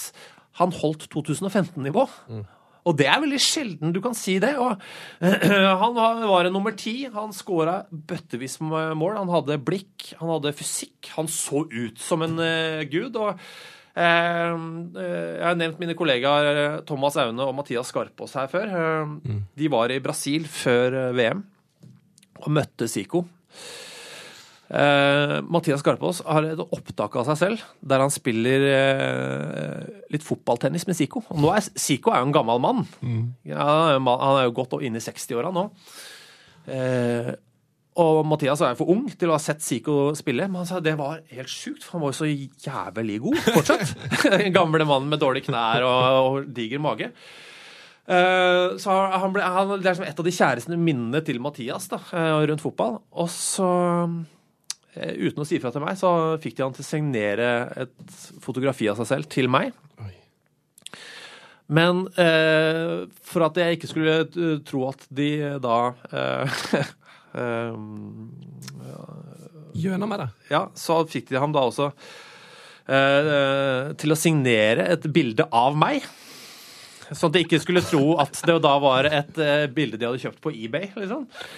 I tillegg uh, så hadde de tatt en sånn snapshot, uh, sånn, et lynfoto, av Zico som, fotograf, som gir autograf på fotografiet av meg. Og så fikk de ham til å signere bildet av ham som signerer bildet av meg. Og de tre bildene Jeg har ikke unger, så inntil videre så er det de tre bildene og de to bikkjene våre som er ungene mine. Det er, det, det er så vakkert. Er, er det én ting du tar med deg når huset står i fyr og flamme, da er det, da er det de bildene. ja, det er kona, bikkjene og de bildene. Ja, det er vakkert. Eh, Det var et strålende og veldig lærerikt lag du hadde med, oss, eh, med til oss, Aleksander. Ja, jeg, jeg, jeg, jeg, tror jeg det hadde vært innmari god stemning i garderoben nå. Å ja. Definitivt. Steinkjer, Steinkjer, Steinkjer. Det er ingen som vi, som fotballag som vi. Gå nå på, så skal vi slå. Ingen kan slå SJFK. Velkommen til Breddefotballspalten her i Heia Fotball med nettsjef Lars. Nei da, nettsjef Lars er i København, på tur. Så da er det oss, eh, boys. Okay. Har vi noe å melde fra breddefotballen? Eh, Hopen, jeg vet du har vært på kamp. Jeg har vært på kamp. Jeg var på kamp her eh, Ja, det var vel på, på onsdagen. Hva var det du så da? Verdalen Steinkjer. Yes. Lokalderby i eh, Nord-Trøndelag. Eh, det er litt sånn stor, gammelt storoppgjør, det, da. Ja, det er vel om det ikke er to storheter, så er det jo eh, Det er vel tre, hovedsakelig tre fotballag i Nord-Trøndelag. Det er vel Levanger, Verdalen og, og Steinkjer. Så det, det kjemper jo om å rykke opp begge to ifra, ifra tredjedivisjon. Så um, selv om det ble 4-0 og utklassing, så var det det var en, eh, det var en faktisk en bra En, en av de bedre tredjedivisjonskampene jeg, jeg har sett på, på lang, lang tid. Så det var Jeg tror det var 700 betalende tilskuere og god stemning. Det er dritbra. 700. Ja, det er strålende. Eh, Jeg har fått en mail som eh, kanskje du kan hjelpe å svare litt på, Aleksander. Alexander. Kan jeg ikke tenke meg. Eh, Martin Mjøs som sier 'Heia fotball'. Eh, og han er veldig fornøyd, for på lørdag klokka fire så skal TV 2 sende lokalderby. Mm. Osterøy IL mot Valestrand. Har dere vært borti disse lagene? Ja, Valstrand eh, Gjelvik, eh, som det kalles i fjerdedivisjon. Uh, det er en ivrig gjeng, altså. Eh, det, vi har vist reportasjer derfra før, da de rykka opp. Eh, et, det, altså, det er et engasjement der, der ute på Osterøy som er eh, Det er helt avsindig. Det er, altså, det er, det er altså, Innen fotball-terminologien så er jo dette krig. Eh, og det kommer til å smelle noe voldsomt, og vi viser den kampen, ja. Uh, Fjerdedivisjonsoppgjøret. Uh, Davy er der, Freddy Dos Santos er der. Vi lager en haug med reportasjer i forkant. Det, kommentatorer, eh, analyser Nei, det blir eh, Det er full rigg på, på, Ja, på det- fjerdedivisjonskamp. Det er full rigg, ja. Eh, I det prosjektet vårt som er eh, eh, altså Det er den første av eh, Vi skal vise fire såkalte grasrotkamper da, eh, denne sesongen. Og dette er den, eh, er den første. Så deilig. Du, Ja. har, har du spilt mot noen av disse duopen? Du, jeg har spilt uh, på Osterøy, mot Osterøy. Det gjorde jeg faktisk i fjor, uh, i fjor høst. Jeg måtte sone for noen gule kort mot, for Nessotra. Så da var det Nessotra 2 mot Osterøy. Så um, jeg har faktisk spilt der. Ja, nydelig. Uh, ja. Det var kjapt. Uh, Osterøy ligger må ha, sitter, jeg fikk, Av alle rare ting så sitter jeg med en bergensavis her, og de har uh, overraskende stort eh, tabellen Yes. eh, rett foran meg her. Så nå skal vi se. Osterøy ligger på fjerdeplass. eh, til sjette, sjuende. Og Valestrand Gjelvik på, på åttende. Det er fire poeng som, eh, som skiller, så dette betyr noe. Eh, han, eh, Martin her skriver at eh, Osterøy er skadeprega og stiller med flere juniorspillere i alderen 17-18 år. Flere nøkkelspillere er skada eller bortreist. En viktig spiller som er borte, er landslagsspiller i, fut, i futsal, June Hustveit, som må jobbe. Ja. Så det. Er litt av skjønnheten da med, med, med breddefotball nå. Og så sier han tidligere landslagsspiller i futsal for Valestrand er tilbake. Thierry Danon JJ. Han kan skryte av å ha slått tuttis på selveste Maradona. Så her eh, det blir litt av en kamp. Ja, det, ja, det blir eh, Det er helt nydelig å eh, Hva skal vi si Det er så koselig. Eh, man glemmer det litt, og det veit jo du, Ørjan. Du har reist land og rundt. Det, er- det er rett og slett jævlig koselig eh, på kamp i Norge. Ja, det er helt, eh, helt utrolig. Og det har en sånn egen sjarm òg. Og jeg så jo den her det- var Kolbu KK i fjor som var opprykksfinalen der, og det er jo det er sånn deilig, deilig engasjement og uh, ildsjeler og Ja, det, det, er noe, det er noe annet, og jeg syns det, det er mye koseligere å reise på tredje- og fjerdedivisjonskamper enn enn tippeligakamper og Obos-kamper, selv om det òg er bra. Men det er en helt annen, helt annen liga når du reiser rundt på de lokale stadionene. Og så bare- Ja, bare fortsett. Nei, bare, bare sånn når du kjøper en vaffel, da. I, i, i fjerdedivisjon eller femtedivisjon. Så det betyr noe. Altså, de penga de, altså, det er de, sant. De, Ja, ja, det betyr utrolig mye, men hvis du kjøper en, eh, en pølse, da, altså for all del, det betyr bitte litt eh, hvis du gjør det på Ullevål eller Lerkendal, men la oss være ærlige, det, det forsvinner jo inn i et digert høl. Men hvis du gjør det i Balestrand eller Osterøy eller eh, Nymark eller Kvernbitt eller hva det heter, Så så er det en ny drakt. Ny Det, overtrekk. det er litt sånn at Hvis du kjøper to vafler og en kaffe som egentlig koster 45, så skal du ha tilbake femmeren på Ullevål, men ikke, Ikke ikke, på Osterøy. akkurat sånn er det. Ja, nydelig. Eh, hva, er det største, hva er det største breddefotballsoppgjøret i, i trivselsfylket? I trivselsfylket det må være Florø-Førde Flore Førde. i andre divisjon. De hater hverandre. Ja, du, de hadde jo en sak der i TV 2 her for et par år siden. Jeg tror det var cupen, da. Ja, ja. Første runde i cupen. Det det er skikkelig oppgjør. Det var jo 16. mai-match der nå i, i Florø i, i år, og da var det 2500, tror jeg, på tribunene. Og full samling på bowlingen med litt, eh, litt skjenk og supportereffekter et par timer før kampstart. Og, og felles gange opp til, opp til arenaen. Og ja, det var bånn juling. Men eh, altså, Øyvind Alsaker, vår kommentator, og vår sjef Vegard Jansenhagen, det er Florø, og det er ikke, du, ikke en snakk om det engang. Altså, det, er, det, er så, det er så dårlig stemning, det. Det er sånn eh, jeg, Vi må jo kjøre rundt. Ja, Ja. ja, det er nydelig. Eh, jeg tror vi skal gå videre til litt nyheter. Men eh, vi pleier å avslutte med denne her Steinkjer-sangen Hopen. Men i dag så må vi gjøre en lit, et lite unntak.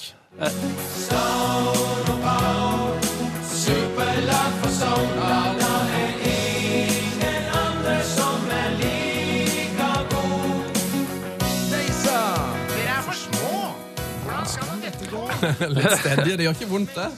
Nei, det der, eh, Alexander, hvor rangerer du denne her på, på supportersanger i, i Norge? Eh, hva er kriteriene? Eh, f- første kriteriet er trivsel. Ok, Der, der er den høy Der er den høyt på lista, ja. Og andre kriteriet er tekst. Og tredje er da, eh, er da artist. Eh, legg merke til at kvalitet ikke på noe tidspunkt eh, er et av kriteriene. Nei, men det, Eh, det blir innblanda i litt, litt trivsel, for trivselen blir jo prega av kvaliteten. Nei, det, det føler jeg ikke. Jeg føler at trivselen er det dere som synger den, legger i den. Eh, og da er det jo veldig høyt. Altså, det er en eh, ti av ti sånn trivselsmessig. Eh, for dere som synger den. Det er nok ikke for eh, de objektive, så er nok ikke dette den beste sangen verden eh, har sett. Den er der oppe med mm, Nittedal Hakkedals eh, Nitt, nitt, nitt, nitt, nitt, nitt, nitt, nitt, nitt, takk. For de heter jo Nitt takk. Så, men for all del, trivselspoeng mange. Kan jeg bare si en ting om Steinkjer? Ja, selvfølgelig. Vi, ha- vi hadde en hel uke der vi bodde på Steinkjer og sendte derfra. Nei. ja, der sa du setningen. Å nei! Eh, vi kom dit, dette er mange år siden, spurte skjer det noe i Steinkjer denne uka. Ja, i dag. Du må komme på bodegaen! Ally McBeal på storskjerm. Eh, det var høydepunktet denne uka. Men i hvert fall det, det eneste vi fikk ut av Steinkjer, var at vi kjøpte en spåbok fra 30-tallet. Eh, og i den spåboken så ble det spådd at jeg skulle dø i en ulykke ved jernbanen før fylte 30. Oi! Så jeg slapp unna det, da. Det er mitt beste minne fra Steinkjer. Var du på Hilles grill? Eh, nei. Har du vært på Jeg var på Sebrasenteret. Sebrasenteret. Rått. Eh, har du vært eh, på Hildes grill eh, Nei, du er, det, du er jo på Levanger, du. Jeg er på Levanger, Det, er det er ganske likt Levanger og Steinkjer, sånn i mm, bystørrelse og action, kanskje? Jeg har faktisk eh, Eneste gangen jeg har vært innom eh, i eh, Steinkjer, og da var jeg ikke helt inne i Steinkjer, da var jeg jo på, på Hildes grill. Nei, da var jeg på studio med dere. og Jeg har fått klar beskjed av Per Werner Rønning om å aldri bevege meg inn i Steinkjer eh, sentrum.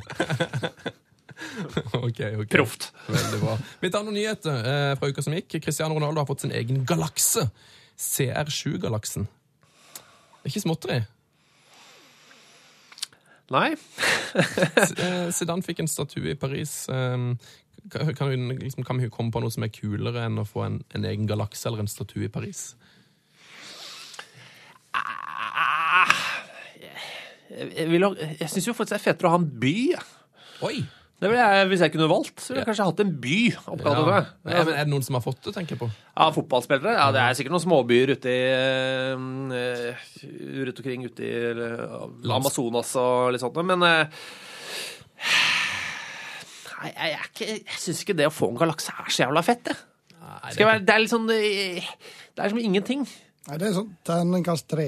Ja, det er, du, det er ikke noe du kan gripe, det er ikke noe du kan nyte. Det er ikke noe det er, Se der, eh, se der. eh. Nei, det er artigere med statue i Paris, sånn som Sidana Ja, jeg er jo enig i det. Det er mer stas. Men eh, fine, min favoritt, eller kanskje den fineste fotballstatuen, er den Bobby Moore-statuen utafor Wembley. Det er eh, ja, Den er så massiv, og den betyr så mye for engelskmenn, så eh, den er eh, rett og slett eh, vakker. Den har jeg ikke sett, men jeg har sett en utenfor Er det Westham også som har en i en rundkjøring der? Mm. Gamle Westham-VM-heltene. Den er ganske fet. Det er veldig fin, altså. Men når du, hvis du noensinne er på Wembley, når du tar T-banen til Wembley og går opp mot stadion, så er det, da ser du rett på den svære Bobby Moore-statuen. Um, gå videre. Uh, FIFA- Ja. Fifa-filmen slaktes. Var det kritikk av stemme der? Ja, det gikk så innmari opp. Du hadde, hadde ikke tro på det som nå kom. Nei, jeg, jeg satt og fikla litt i mine svært tynne notater. Uh, Men uh, Fifa-filmen slaktes. Solgte to billetter i LA. Eh, Allerede tatt av, tatt av markedet i USA. da som Fikk rekordlave besøkstall. De solgte, solgte billetter for under 1000 dollar. Eh, Jeg så den filmen her på onsdag. Det er ikke noe mesterverk. Nei, Hvordan vil du beskrive den? Den er veldig, veldig, veldig kjedelig. Den er veldig kronologisk. Så det handler om Fifas historie. eh, fra de som ble stifta, og til, helt fram til Sepp Blatter gir VM til Nelson Mandela i 2010. Som liksom var hans store visjon, da. Og så redder han fotball underveis. Å ja. Eh, De redder fotball og verden. Eh, Det er vel han Skyller i med er jo inne og selvfølgelig å kritisere Hitler og, og Mussolini her på et tidspunkt. Dette vil ikke Fifa ha noe av. Så det, er, mm, ja, det er en film som er lagd av Fifa. Men eh, selv om jeg vil gi en terningkast 1, så anbefaler jeg likevel alle å se den. Jeg kommer ikke til å se den. Nei, du, du Som hater alt mulig annet. Men det er kanskje noe for det, kanskje for noe for det, Alexander? Ja, jeg har sett eh, et lengre så Da den var på trappene, så ble det lagt ut et, et lengre strekke der. eh, På en fire-fem minutter. Jeg så det, og det Jeg lo høyt, jeg.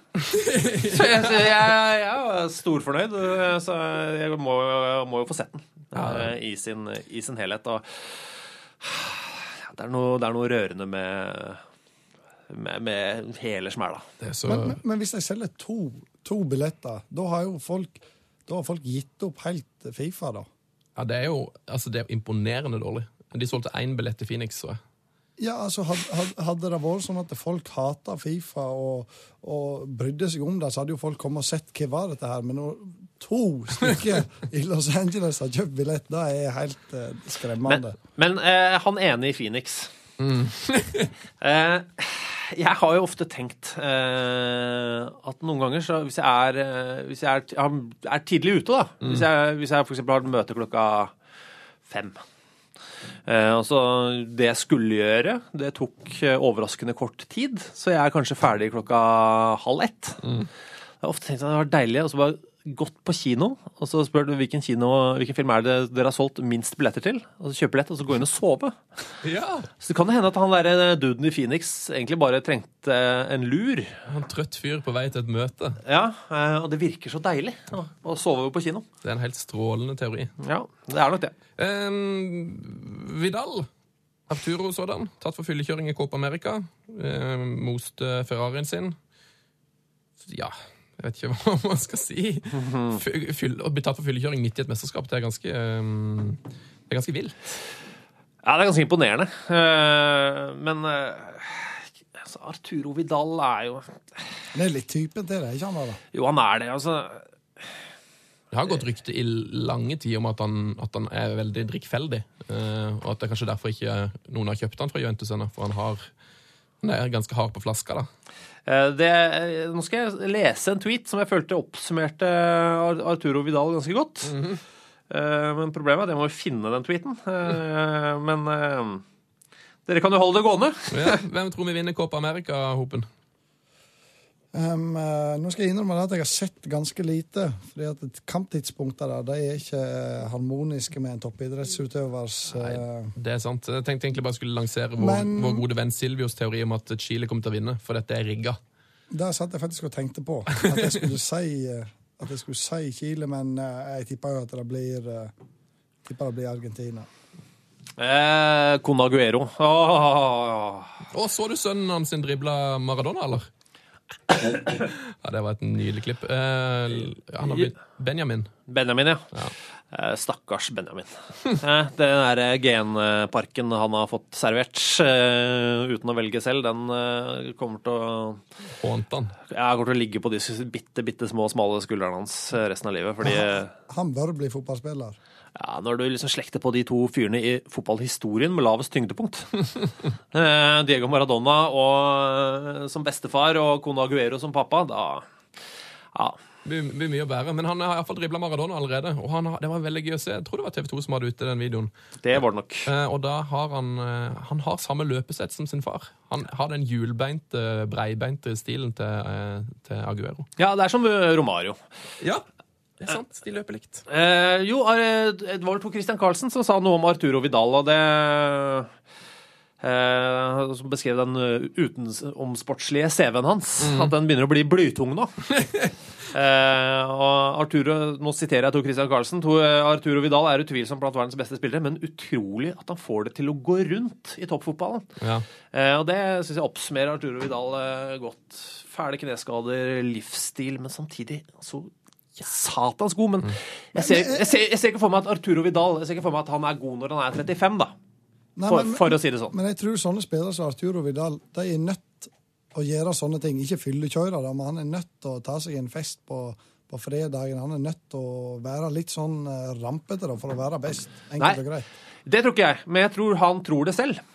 Eh, og i det øyeblikket han tror det selv, så blir det en nødvendighet. Men jeg tror ikke egentlig Eller han trenger jo ikke det, men inni hodet hans så er, har det etter mange år med en sånn livsstil blitt en sannhet.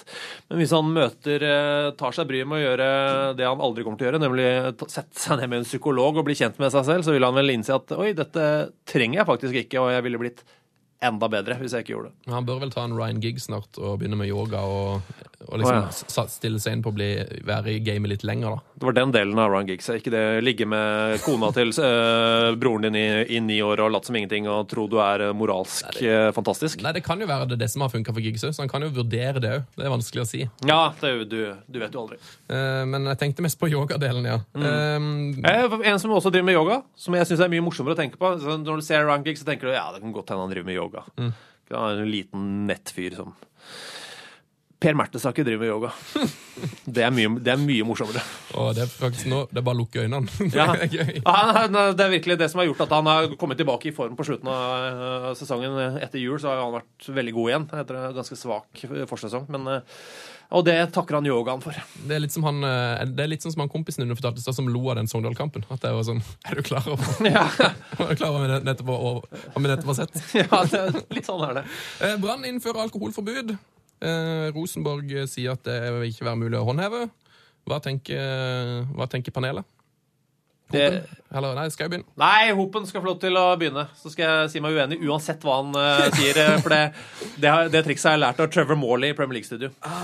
Nei, jeg Jeg, jeg, syns at det er dumt å gå ut og så knallhardt og si det, fordi at det mest sannsynlig kommer det ikke til å kommer ikke til å gå. Det kommer til å bli mer problem av å gå ut og si det enn eh, Ja. Det, altså, det kommer til å bli Med en gang en blir satt på byen, da, uten om han drikker eller ikke, spiller jo ingen rolle, så ringer det 1000 bergensere inn til Nilsen og sier at de er på byen, og så blir det saker i bergensavisene i, i hytt og gevær. Da er det mye bedre å ha det innad at, at eh, her er premissene, og så gir jeg beskjed når det er lov å ta seg en, eh, ta seg en fest og ditt og datt. Jeg syns jeg syns det er helt feil måte å, å gjøre det på, da. men det er jo min mening. Trevor Morley, hva sier du? Eh, jeg, jeg er jo en av de som mener at du må aldri gå ut med målsetting og du må aldri gå ut med sånne ting. Men å ha alkonekt eh, i den klubben der, det er bare å kjøre på. Så når folk begynner å grine over at de ikke får lov til å drikke alkohol fra eh, Når er det sesongen begynner? Fra april til november. Ja, begynn å grine, da. Ja, Eh, altså, Det det er jeg for så vidt enig i, men, Men- men, han kan eh, ikke gå ut med det. Nei, og det, og det er jo det jeg sier. Du må aldri gå ut med strategien din. Eh, for det er liksom Vi husker for 100 år siden så gikk eh, radiokanalen, eh, som etter hvert ble Radio Norge, da het det vel Kanal 4, eh, ut. Og så sa de Nei, vår lytter, vår gjennomsnittlige lytter er en kvinne på 28 som hører på Elton John. Eh, men det eneste resultat er at de blir gjort narr av. Da, da er det det eneste de husker om den radiokanalen. Kvinne 28, eller hva det nå var, og Elton John. Og det samme er litt her, du må ikke gå ut med det. For da, da blir det sånn eh, Ja, men du sa det, og så klarte du ikke å overholde det. Åh. Ja, det- det- Og det er sånn eh, Vi skal eh, vi- skal spille som Barcelona. Ikke gå ut og si det.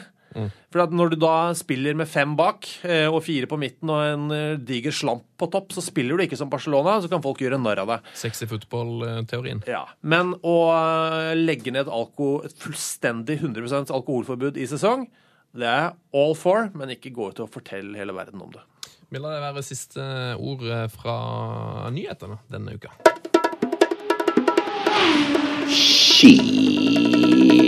Det rakk vi ikke.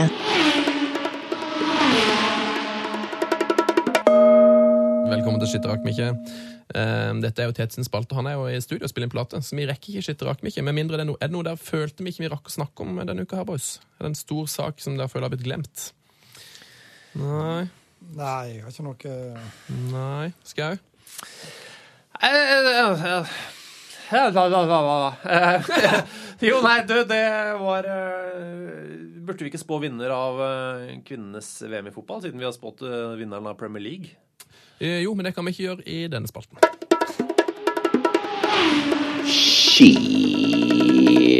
Det rakk vi ikke.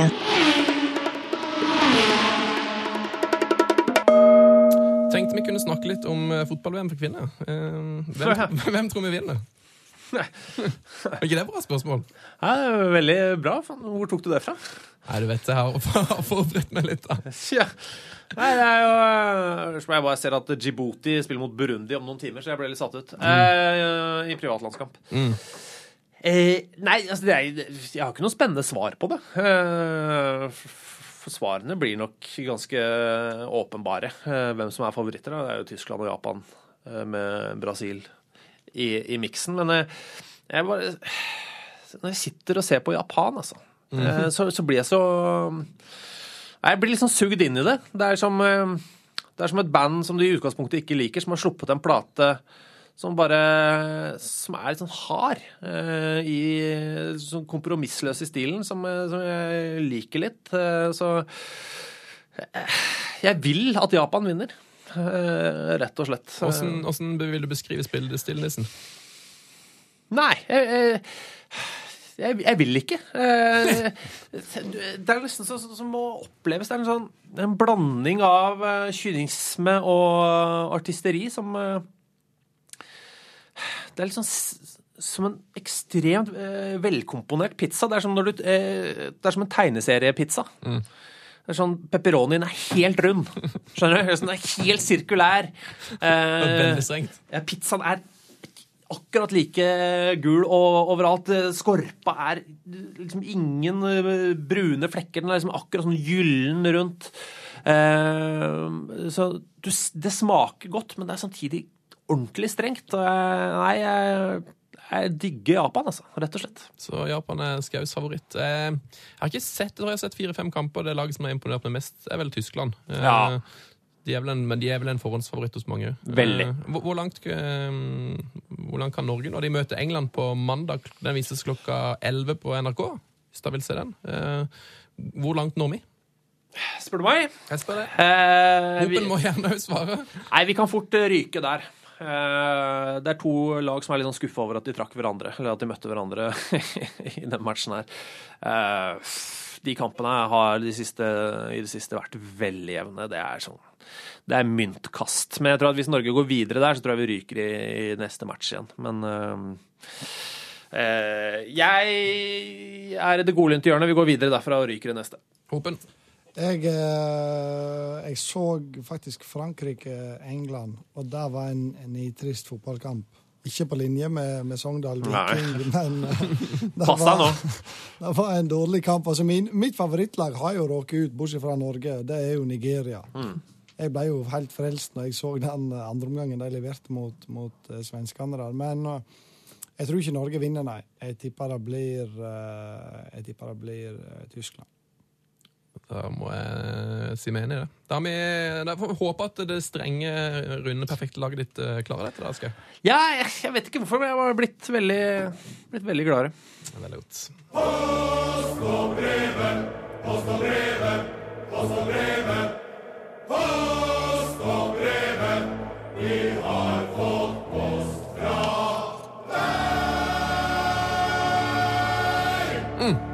Melding her på e-post til heiafotballkrøllalfa.nrk.no fra Bendik Tormodsrud, eh, som skriver at han er megafan. Det er jo hyggelig. Eh, han har sett eh, på VM, han òg. Jeg så Nederland-New Zealand.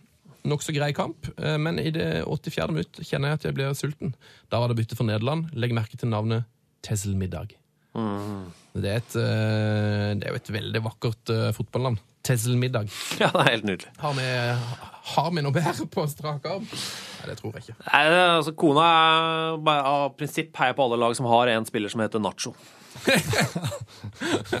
Det er et greit prinsipp. Jeg må jo ta en eh, mail fra Oliver Breen, eh, som jeg har lovt han lenge at vi skal få lest opp, som ble sendt til oss så tidlig som 5. juni. Han har sendt inn et eh, drømmelag. En småtreg fredag på jobb førte til at Emil Hoggensen og undertegnede puslet seg fram til følgende drømmelag.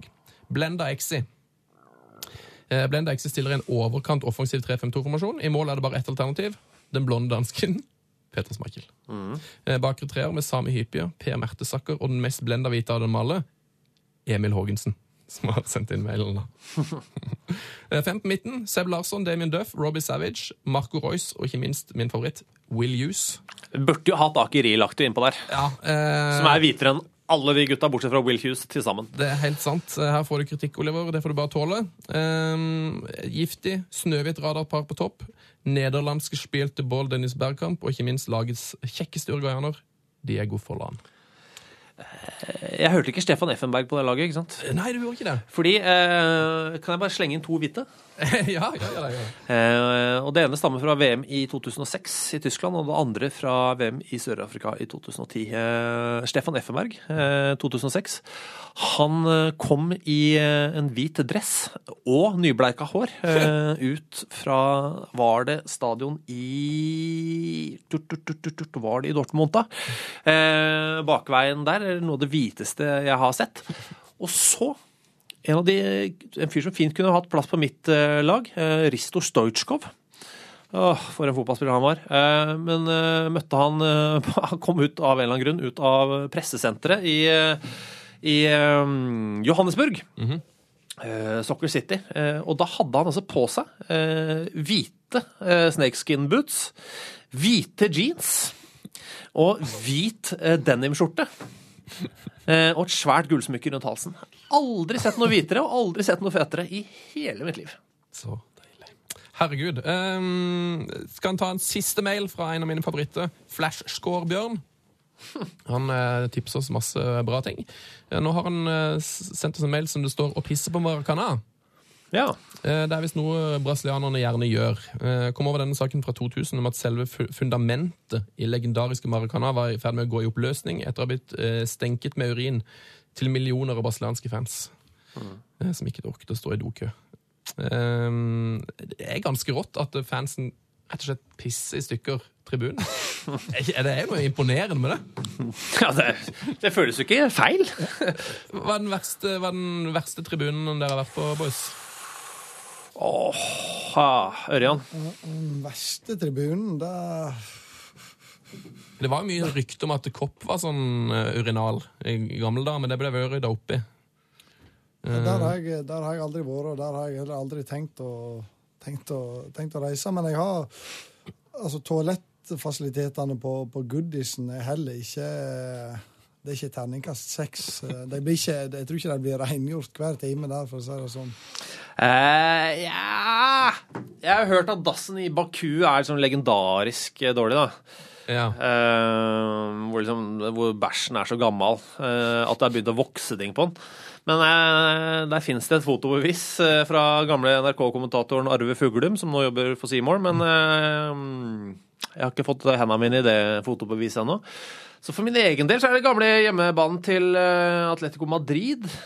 Madrid! Det er jo gøy. Uh, ja, fordi der uh, Altså, urinalet var jo ikke et urinal. Uh, det var ikke noe porselen eller metall. Så det det var, var bare gulvet bare skråna bitte litt inn mot veggen. Uh. Og ned mot et hjørne hvor det var bare høl i hjørnet. Så du pissa rett på, på murveggen. Eh, og så bare rant det på gulvet ned. I, så det er en grunn til at de har bygd nytt, da. Eh, den er ganske høyt oppe. Og så er det åh, Var det eh, Det blir veldig tiss og bæsj, men eh, det er jo ofte det som er med eh, toaletter. Og de er jo en veldig sånn, viktig del. Det begynte Ja. jo med urinering på Maracana her. Jeg fiska etter det. Um, jeg tror det var Vi var og så andrelaget til Jeg tror det var Atletic Bilbao. Ja. Eh, og det anlegget der er grisefint. Det er helt uh, nydelig. Helt nytt. Men én jævel Vi kom tidlig, med flere timer før kamp. Så én Satan hadde da driti uh, utafor. Altså, jeg hadde ikke gått inn på de åpne dassene, men hadde driti på bakken utafor. En sånn kjempekabel. Og det er greit. Det, eller det er ikke greit, men det er ikke greit. men, men jeg tenker sånn Ja ja, sånn skjer. Eh, men eh, det som er problemet med akkurat den her, jeg vet ikke hvorfor jeg kom på den da, eh, er eh, hva han har gjort med den i bakkant. For han har nemlig tatt Det var nok en mann. Eh, få kvinner ville gjort det påfølgende. Eh, det var også noe med størrelsen på den. Han har altså tatt, og jeg overdriver ikke når jeg sier at det er en fem meter lang remse med dopapir. Så har han tatt endestykket av det dopapiret og så stikke ned i bæsjen. Sånn dypt ned i den. Sånn at den vinden, for det var jo et sted hvor det var veldig mye trekk, så vinden gjorde at den der femmeters dopapirremsa sto liksom bare og blafra i vinden. Som det flagget Bono hadde i de her tidlige U2-videoene. Eh, og på en måte når du fulgte dopapiret, så endte det jo da i denne ruka. Så den er ganske høyt oppe, altså. Gratulerer med den. Det der er noe av det mest brutale jeg har hørt. Ja, men, men det er liksom Du skal ha for tiltaket, da. Det, har liksom, ja, det har tydeligvis vært en plan. Det Skal du ha. Heia fotball! Og nå er det quiz, eh, Hopen. Nå er det quiz. Eh, det er jo sånn at Vi har en eh, quiz fra hver eneste uke som du finner på vår Instagram-profil. Der heter vi P3 Heia Fotball. Den er ganske tricky, Hopen. Det kan vi vel være enige om. Ja, det er, du er god hvis du klarer det uten å google. Ja, um, har, du, har du vært borti han, Skau? Det er sånn Du får se ut, utklipp av en karriere. Gjett karrieren. Eh, Så får, får du se noen klubber fra en Wikipedia, liksom historikken til en spiller. da. Så skal du prøve å finne ut hvem det er. Ja. Det er ganske vanskelig. Det Ja. Eh, Denne uka her eh, så er det mange som har klart det, men denne uka her med en veldig fin premie. Ehm, Det er en Konka-drakt fra Shanghai, som jeg har fått av vår mann Fagmann. Og så er det jo òg et skjerf som det står I, eh, hjerte, SIPG, Shanghai. Eh, rett og slett. Eh, det er jo klubben til Sven Jørn Eriksson her. Så Så må si tusen takk til Fagmann for helt fantastisk reisegave til en heldig her fotballutøver. Fagmann, det er han med brillene, ikke sant? Ja, det er han Øyelegen. Øyelegen. Mm. en god venn av, programmet. Han har gitt oss det her, og nå skal vi dele det ut. Riktig svar på forrige ukes quiz, det var Tobias Hysén. Eh, og fagmann Nei, fagmann Hva var rekka med klubber? Oh, det var tre svenske klubber. Det var så forbaska vanskelig. Ja, ok. Eh, kanskje burde kanskje bare lest opp for dere, så dere hadde, Tobias Heisen. så hadde lov å prøve på det. Men det ligger iallfall ut en uh, ny quiz nå på vår Instagram. Der heter vi altså P3 Heia Fotball. Um, skal vi trekke en vinner, Skal det trekkes, ja? Jeg har fått uh, gleden av å trekke. Skal vi se. Uh, Printa ut noen mails. Der, Ja, ja. vet du. Skal vi sjå Vinneren da er Olav Fykse Olav Fikse! Gratulerer. fra Trondheim. Wow, er faktisk i Klæbuveien. så rått. Gratulerer, du får uh, den her fantastiske eh, drakta i posten, og et skjerf. Neste ukes quiz ligger allerede eh, på vår nettside. Eller P3 Heia Fotball på Instagram. Eh, Delta gjerne der. Og så sender du inn svar da med heiafotballkrøllalfa.nrk.no, og da kan du vinne eh, Hopen. Hopen, hva kan du vinne da? Kan du vinne da? Du kan vinne en vanlig fot nei, fotball-T-skjorte. Oh, ja, ja, jo, dæven stemmer. Den er meget, meget bra. Den bruker jeg faktisk i hvert fall, uh, hvert fall to ganger i veka. Ja, det er rått. Fotballs glory hall. Spalten din, Alexander.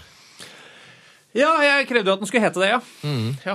eh, Beklager det hvis dette har blitt hengt, hengende over dere. Det er litt uheldige navnet. Men Nei, det har blitt veldig veldig bra. Eh, for Jeg blir alltid å spørre eh, gjestene om de har hørt om om de er kjent med konseptet Heia Fotballs Glory Hall. Og Det gir veldig mange fine svar. ok. Det gjør det. Å, uff, da. Eh, så, så sånn er det. Her Heia Fotballs Glory Hall er en hyllestklubb. Eh, kjenner du til konseptet, Skau?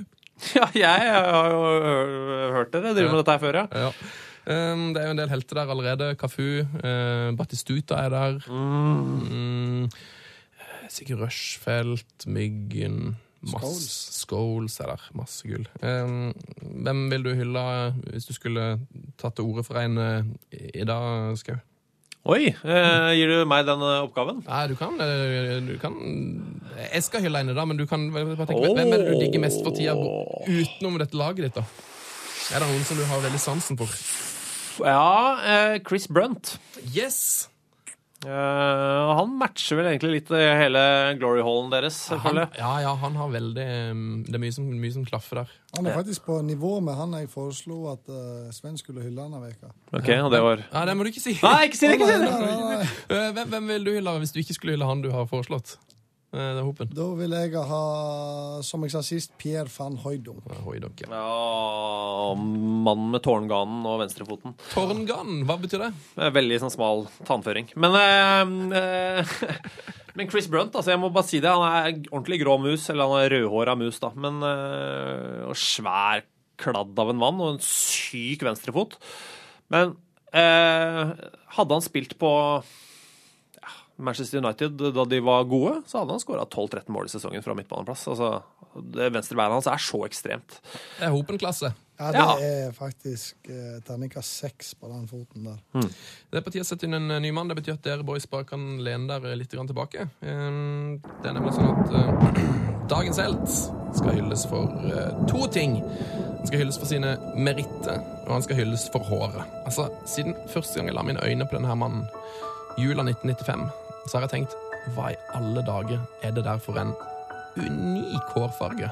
Eh, altså håret sitt, det som henta ut av Game of Thrones. Eh, uten at dagens helt nødvendigvis hadde passa så godt inn i Game of Thrones. Um, fikk nemlig tidlig et rykte som en litt sånn pysete type. Han er nemlig en av få spillere som jeg vet om, som har takka nei til å spille for England fordi han ikke turte. Han var rett og slett litt for eh, nervøs. Det ble allikevel 23 landskamper, eh, og det kan jo for så vidt eh, fortsatt bli flere. For 35-åringen han spiller fortsatt i Premier League. Dagens helt ble ble gjort litt ekstra oppmerksom på av dagens gjesteprogramleder, Ørjan Hopen. Ørjan sa at en så dårlig eller så begrensa spiller ligger på topp tre av tittelsankere i Premier Leagues historie, det er stor idrett. Så hvem er denne fyren som er så dårlig, men som allikevel har vunnet så besatt med medalje? Det skal jeg si der, mine damer og herrer. Dagens helt han har en årrekke vært ryggmargen i forsvaret til Sunderland. Eh, nei, jeg snakker ikke om Phil Bardsley. Jeg snakker heller ikke om John O'Shea. Jeg snakker om en mann som var på årets lag i Premier League i 2001. Han danna forsvarsfireren sammen med Stephen Carr, Sylvinho og Jappstam. Jeg snakker om en mann som vant Champions League i 1999 og i 2008. Jeg snakker om en mann som har vunnet fire Community Shields. Han har vunnet tre ligacuper. Han har vunnet to FA-cuper.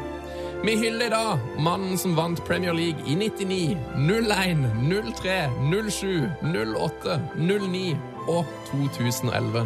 Vi hyller i dag den mannen som sir Alex Ferguson mente at var den fødte forsvarer. Vi hyller en mann som jeg ser nå at har fått altfor lite skryt av Ørjan Hopen. I dag så hyller vi Wesley Michael Westbrown. Sånn var det. Det er vakkert. Herregud. Herregud, så mye han har vunnet. Herregud. Det var det. Uh, boys, uh, fortjent. Uh, ja, veldig. Eh, han er på en måte eh, sk altså Jeg eh, mener jo for eksempel da, eh, at eh, Paul Scholes eh, er uten tvil eh, den største, beste og viktigste fotballspilleren i Manchester United de siste, 20, nei, de siste 30 årene. Og da sier folk ja, men Ryan Giggs vant mer. Ja, Da kan man bare trekke West Brown opp av hatten. Det er helt rått. Ja, det, det, er faktisk en, det er faktisk en ufattelig stor prestasjon å være såpass begrensa og klare å vinne så mye som han har gjort, uh, gjort opp gjennom åra. Det er at det forsvaret når han, altså han var han og John O'Shea òg er jo den typen som har klart å grave med seg ligatitler, og FA Cup og Champions League. Det er, det er stor idrett. Den store forskjellen på eh, nye og gamle United at før så vant de med, med OK spillere, nå taper de med veldig gode spillere. Sånn har det blitt. Men uh, West Brown i, i Sunderland, altså. Du må jo bli litt glad i ham. Altså, han, altså, han, altså, han var ute kjempelenge med skade. Altså, han har vært ganske god nå, eh, i og for seg. Innimellom, i hvert fall, eh, i Sunderland. Eh, Si at han har vært veldig god, er feil, men bedre enn man skulle tro ut fra den skaden. Men altså, han raker inn røde kort. Altså, han går med sånn bærplukker og bare, så- skraper bort i lomma til dommeren og ser om noe havner oppi bærplukkeren. Ja, Rødt kort, ja, ja, ja, få ta den, da. Nei, helt nei, rørende, altså. Kongespiller. Mye selvmål, mye røde kort, og ikke minst en hel haug med straffe. Ja, og bøtter med trofeer, da. Ja, ikke minst. Uh, gutta boys, vi har jabba i én time og tre kvarter. Det har vært helt uh, nydelig. Dere skal få lov til å um, slippe av gårde. Du skal få en gavehopen Oi, på veien. Um, takk, jeg, kan, jeg, takk. jeg, har ikke, jeg kan sende en gave til deg, Aleksander. Eh, som takk for at du kom innom. Hva, jeg vet ikke, hva er det for noe? Så Det kan kommer jeg... en Heia fotball-T-skjorte i posten hvis du vil ha. Og så skal du få en, eh, en eh, CD med, med Sogndal Viking. Eh, tusen takk. Vet du jeg tror jeg faktisk jeg har Stauno Stavno på vinyl liggende i boden. Oh. det, er, det er faktisk legendarisk. I'm just saying. Uh, vet du hva, Svennis? Mm, nei. Den eh, kan jeg få lov til å eh, bedrive litt veldedighet. Eh, den T-skjorta du har lyst til å sende til meg. Ja. Eh, Jeg er ikke en sånn T-skjortemann. jeg. Nei. Kan ikke du slenge den i premiepotten? Altså gi ut en ekstra eh, Heia fotball-T-skjorte? Veldig, veldig gjerne. Da blir det sånn neste uke, så er det to T-skjorter i potten. God helg, boys. Tusen takk for at dere var innom, og ikke minst heia fotball! Heia fotball! Heia fotball! Frank de Boer speelt de bal. Heel goed naar Dennis Bergkamp. Dennis Bergkamp. Dennis Bergkamp neemt de bal aan. Dennis Bergkamp. Dennis Bergkamp. Dennis Bergkamp. Dennis Bergkamp. Dennis Bergkamp. Oh! Frank de Boer speelt de bal naar Dennis Bergkamp. Die neemt de bal feilloos aan. En die schiet de bal erin. We spelen nog officieel 20 seconden. Dennis Bergkamp. P3s Heia fotball. Episode hver fredag. Last ned din nye favorittpodkast på p3.no podkast. P3.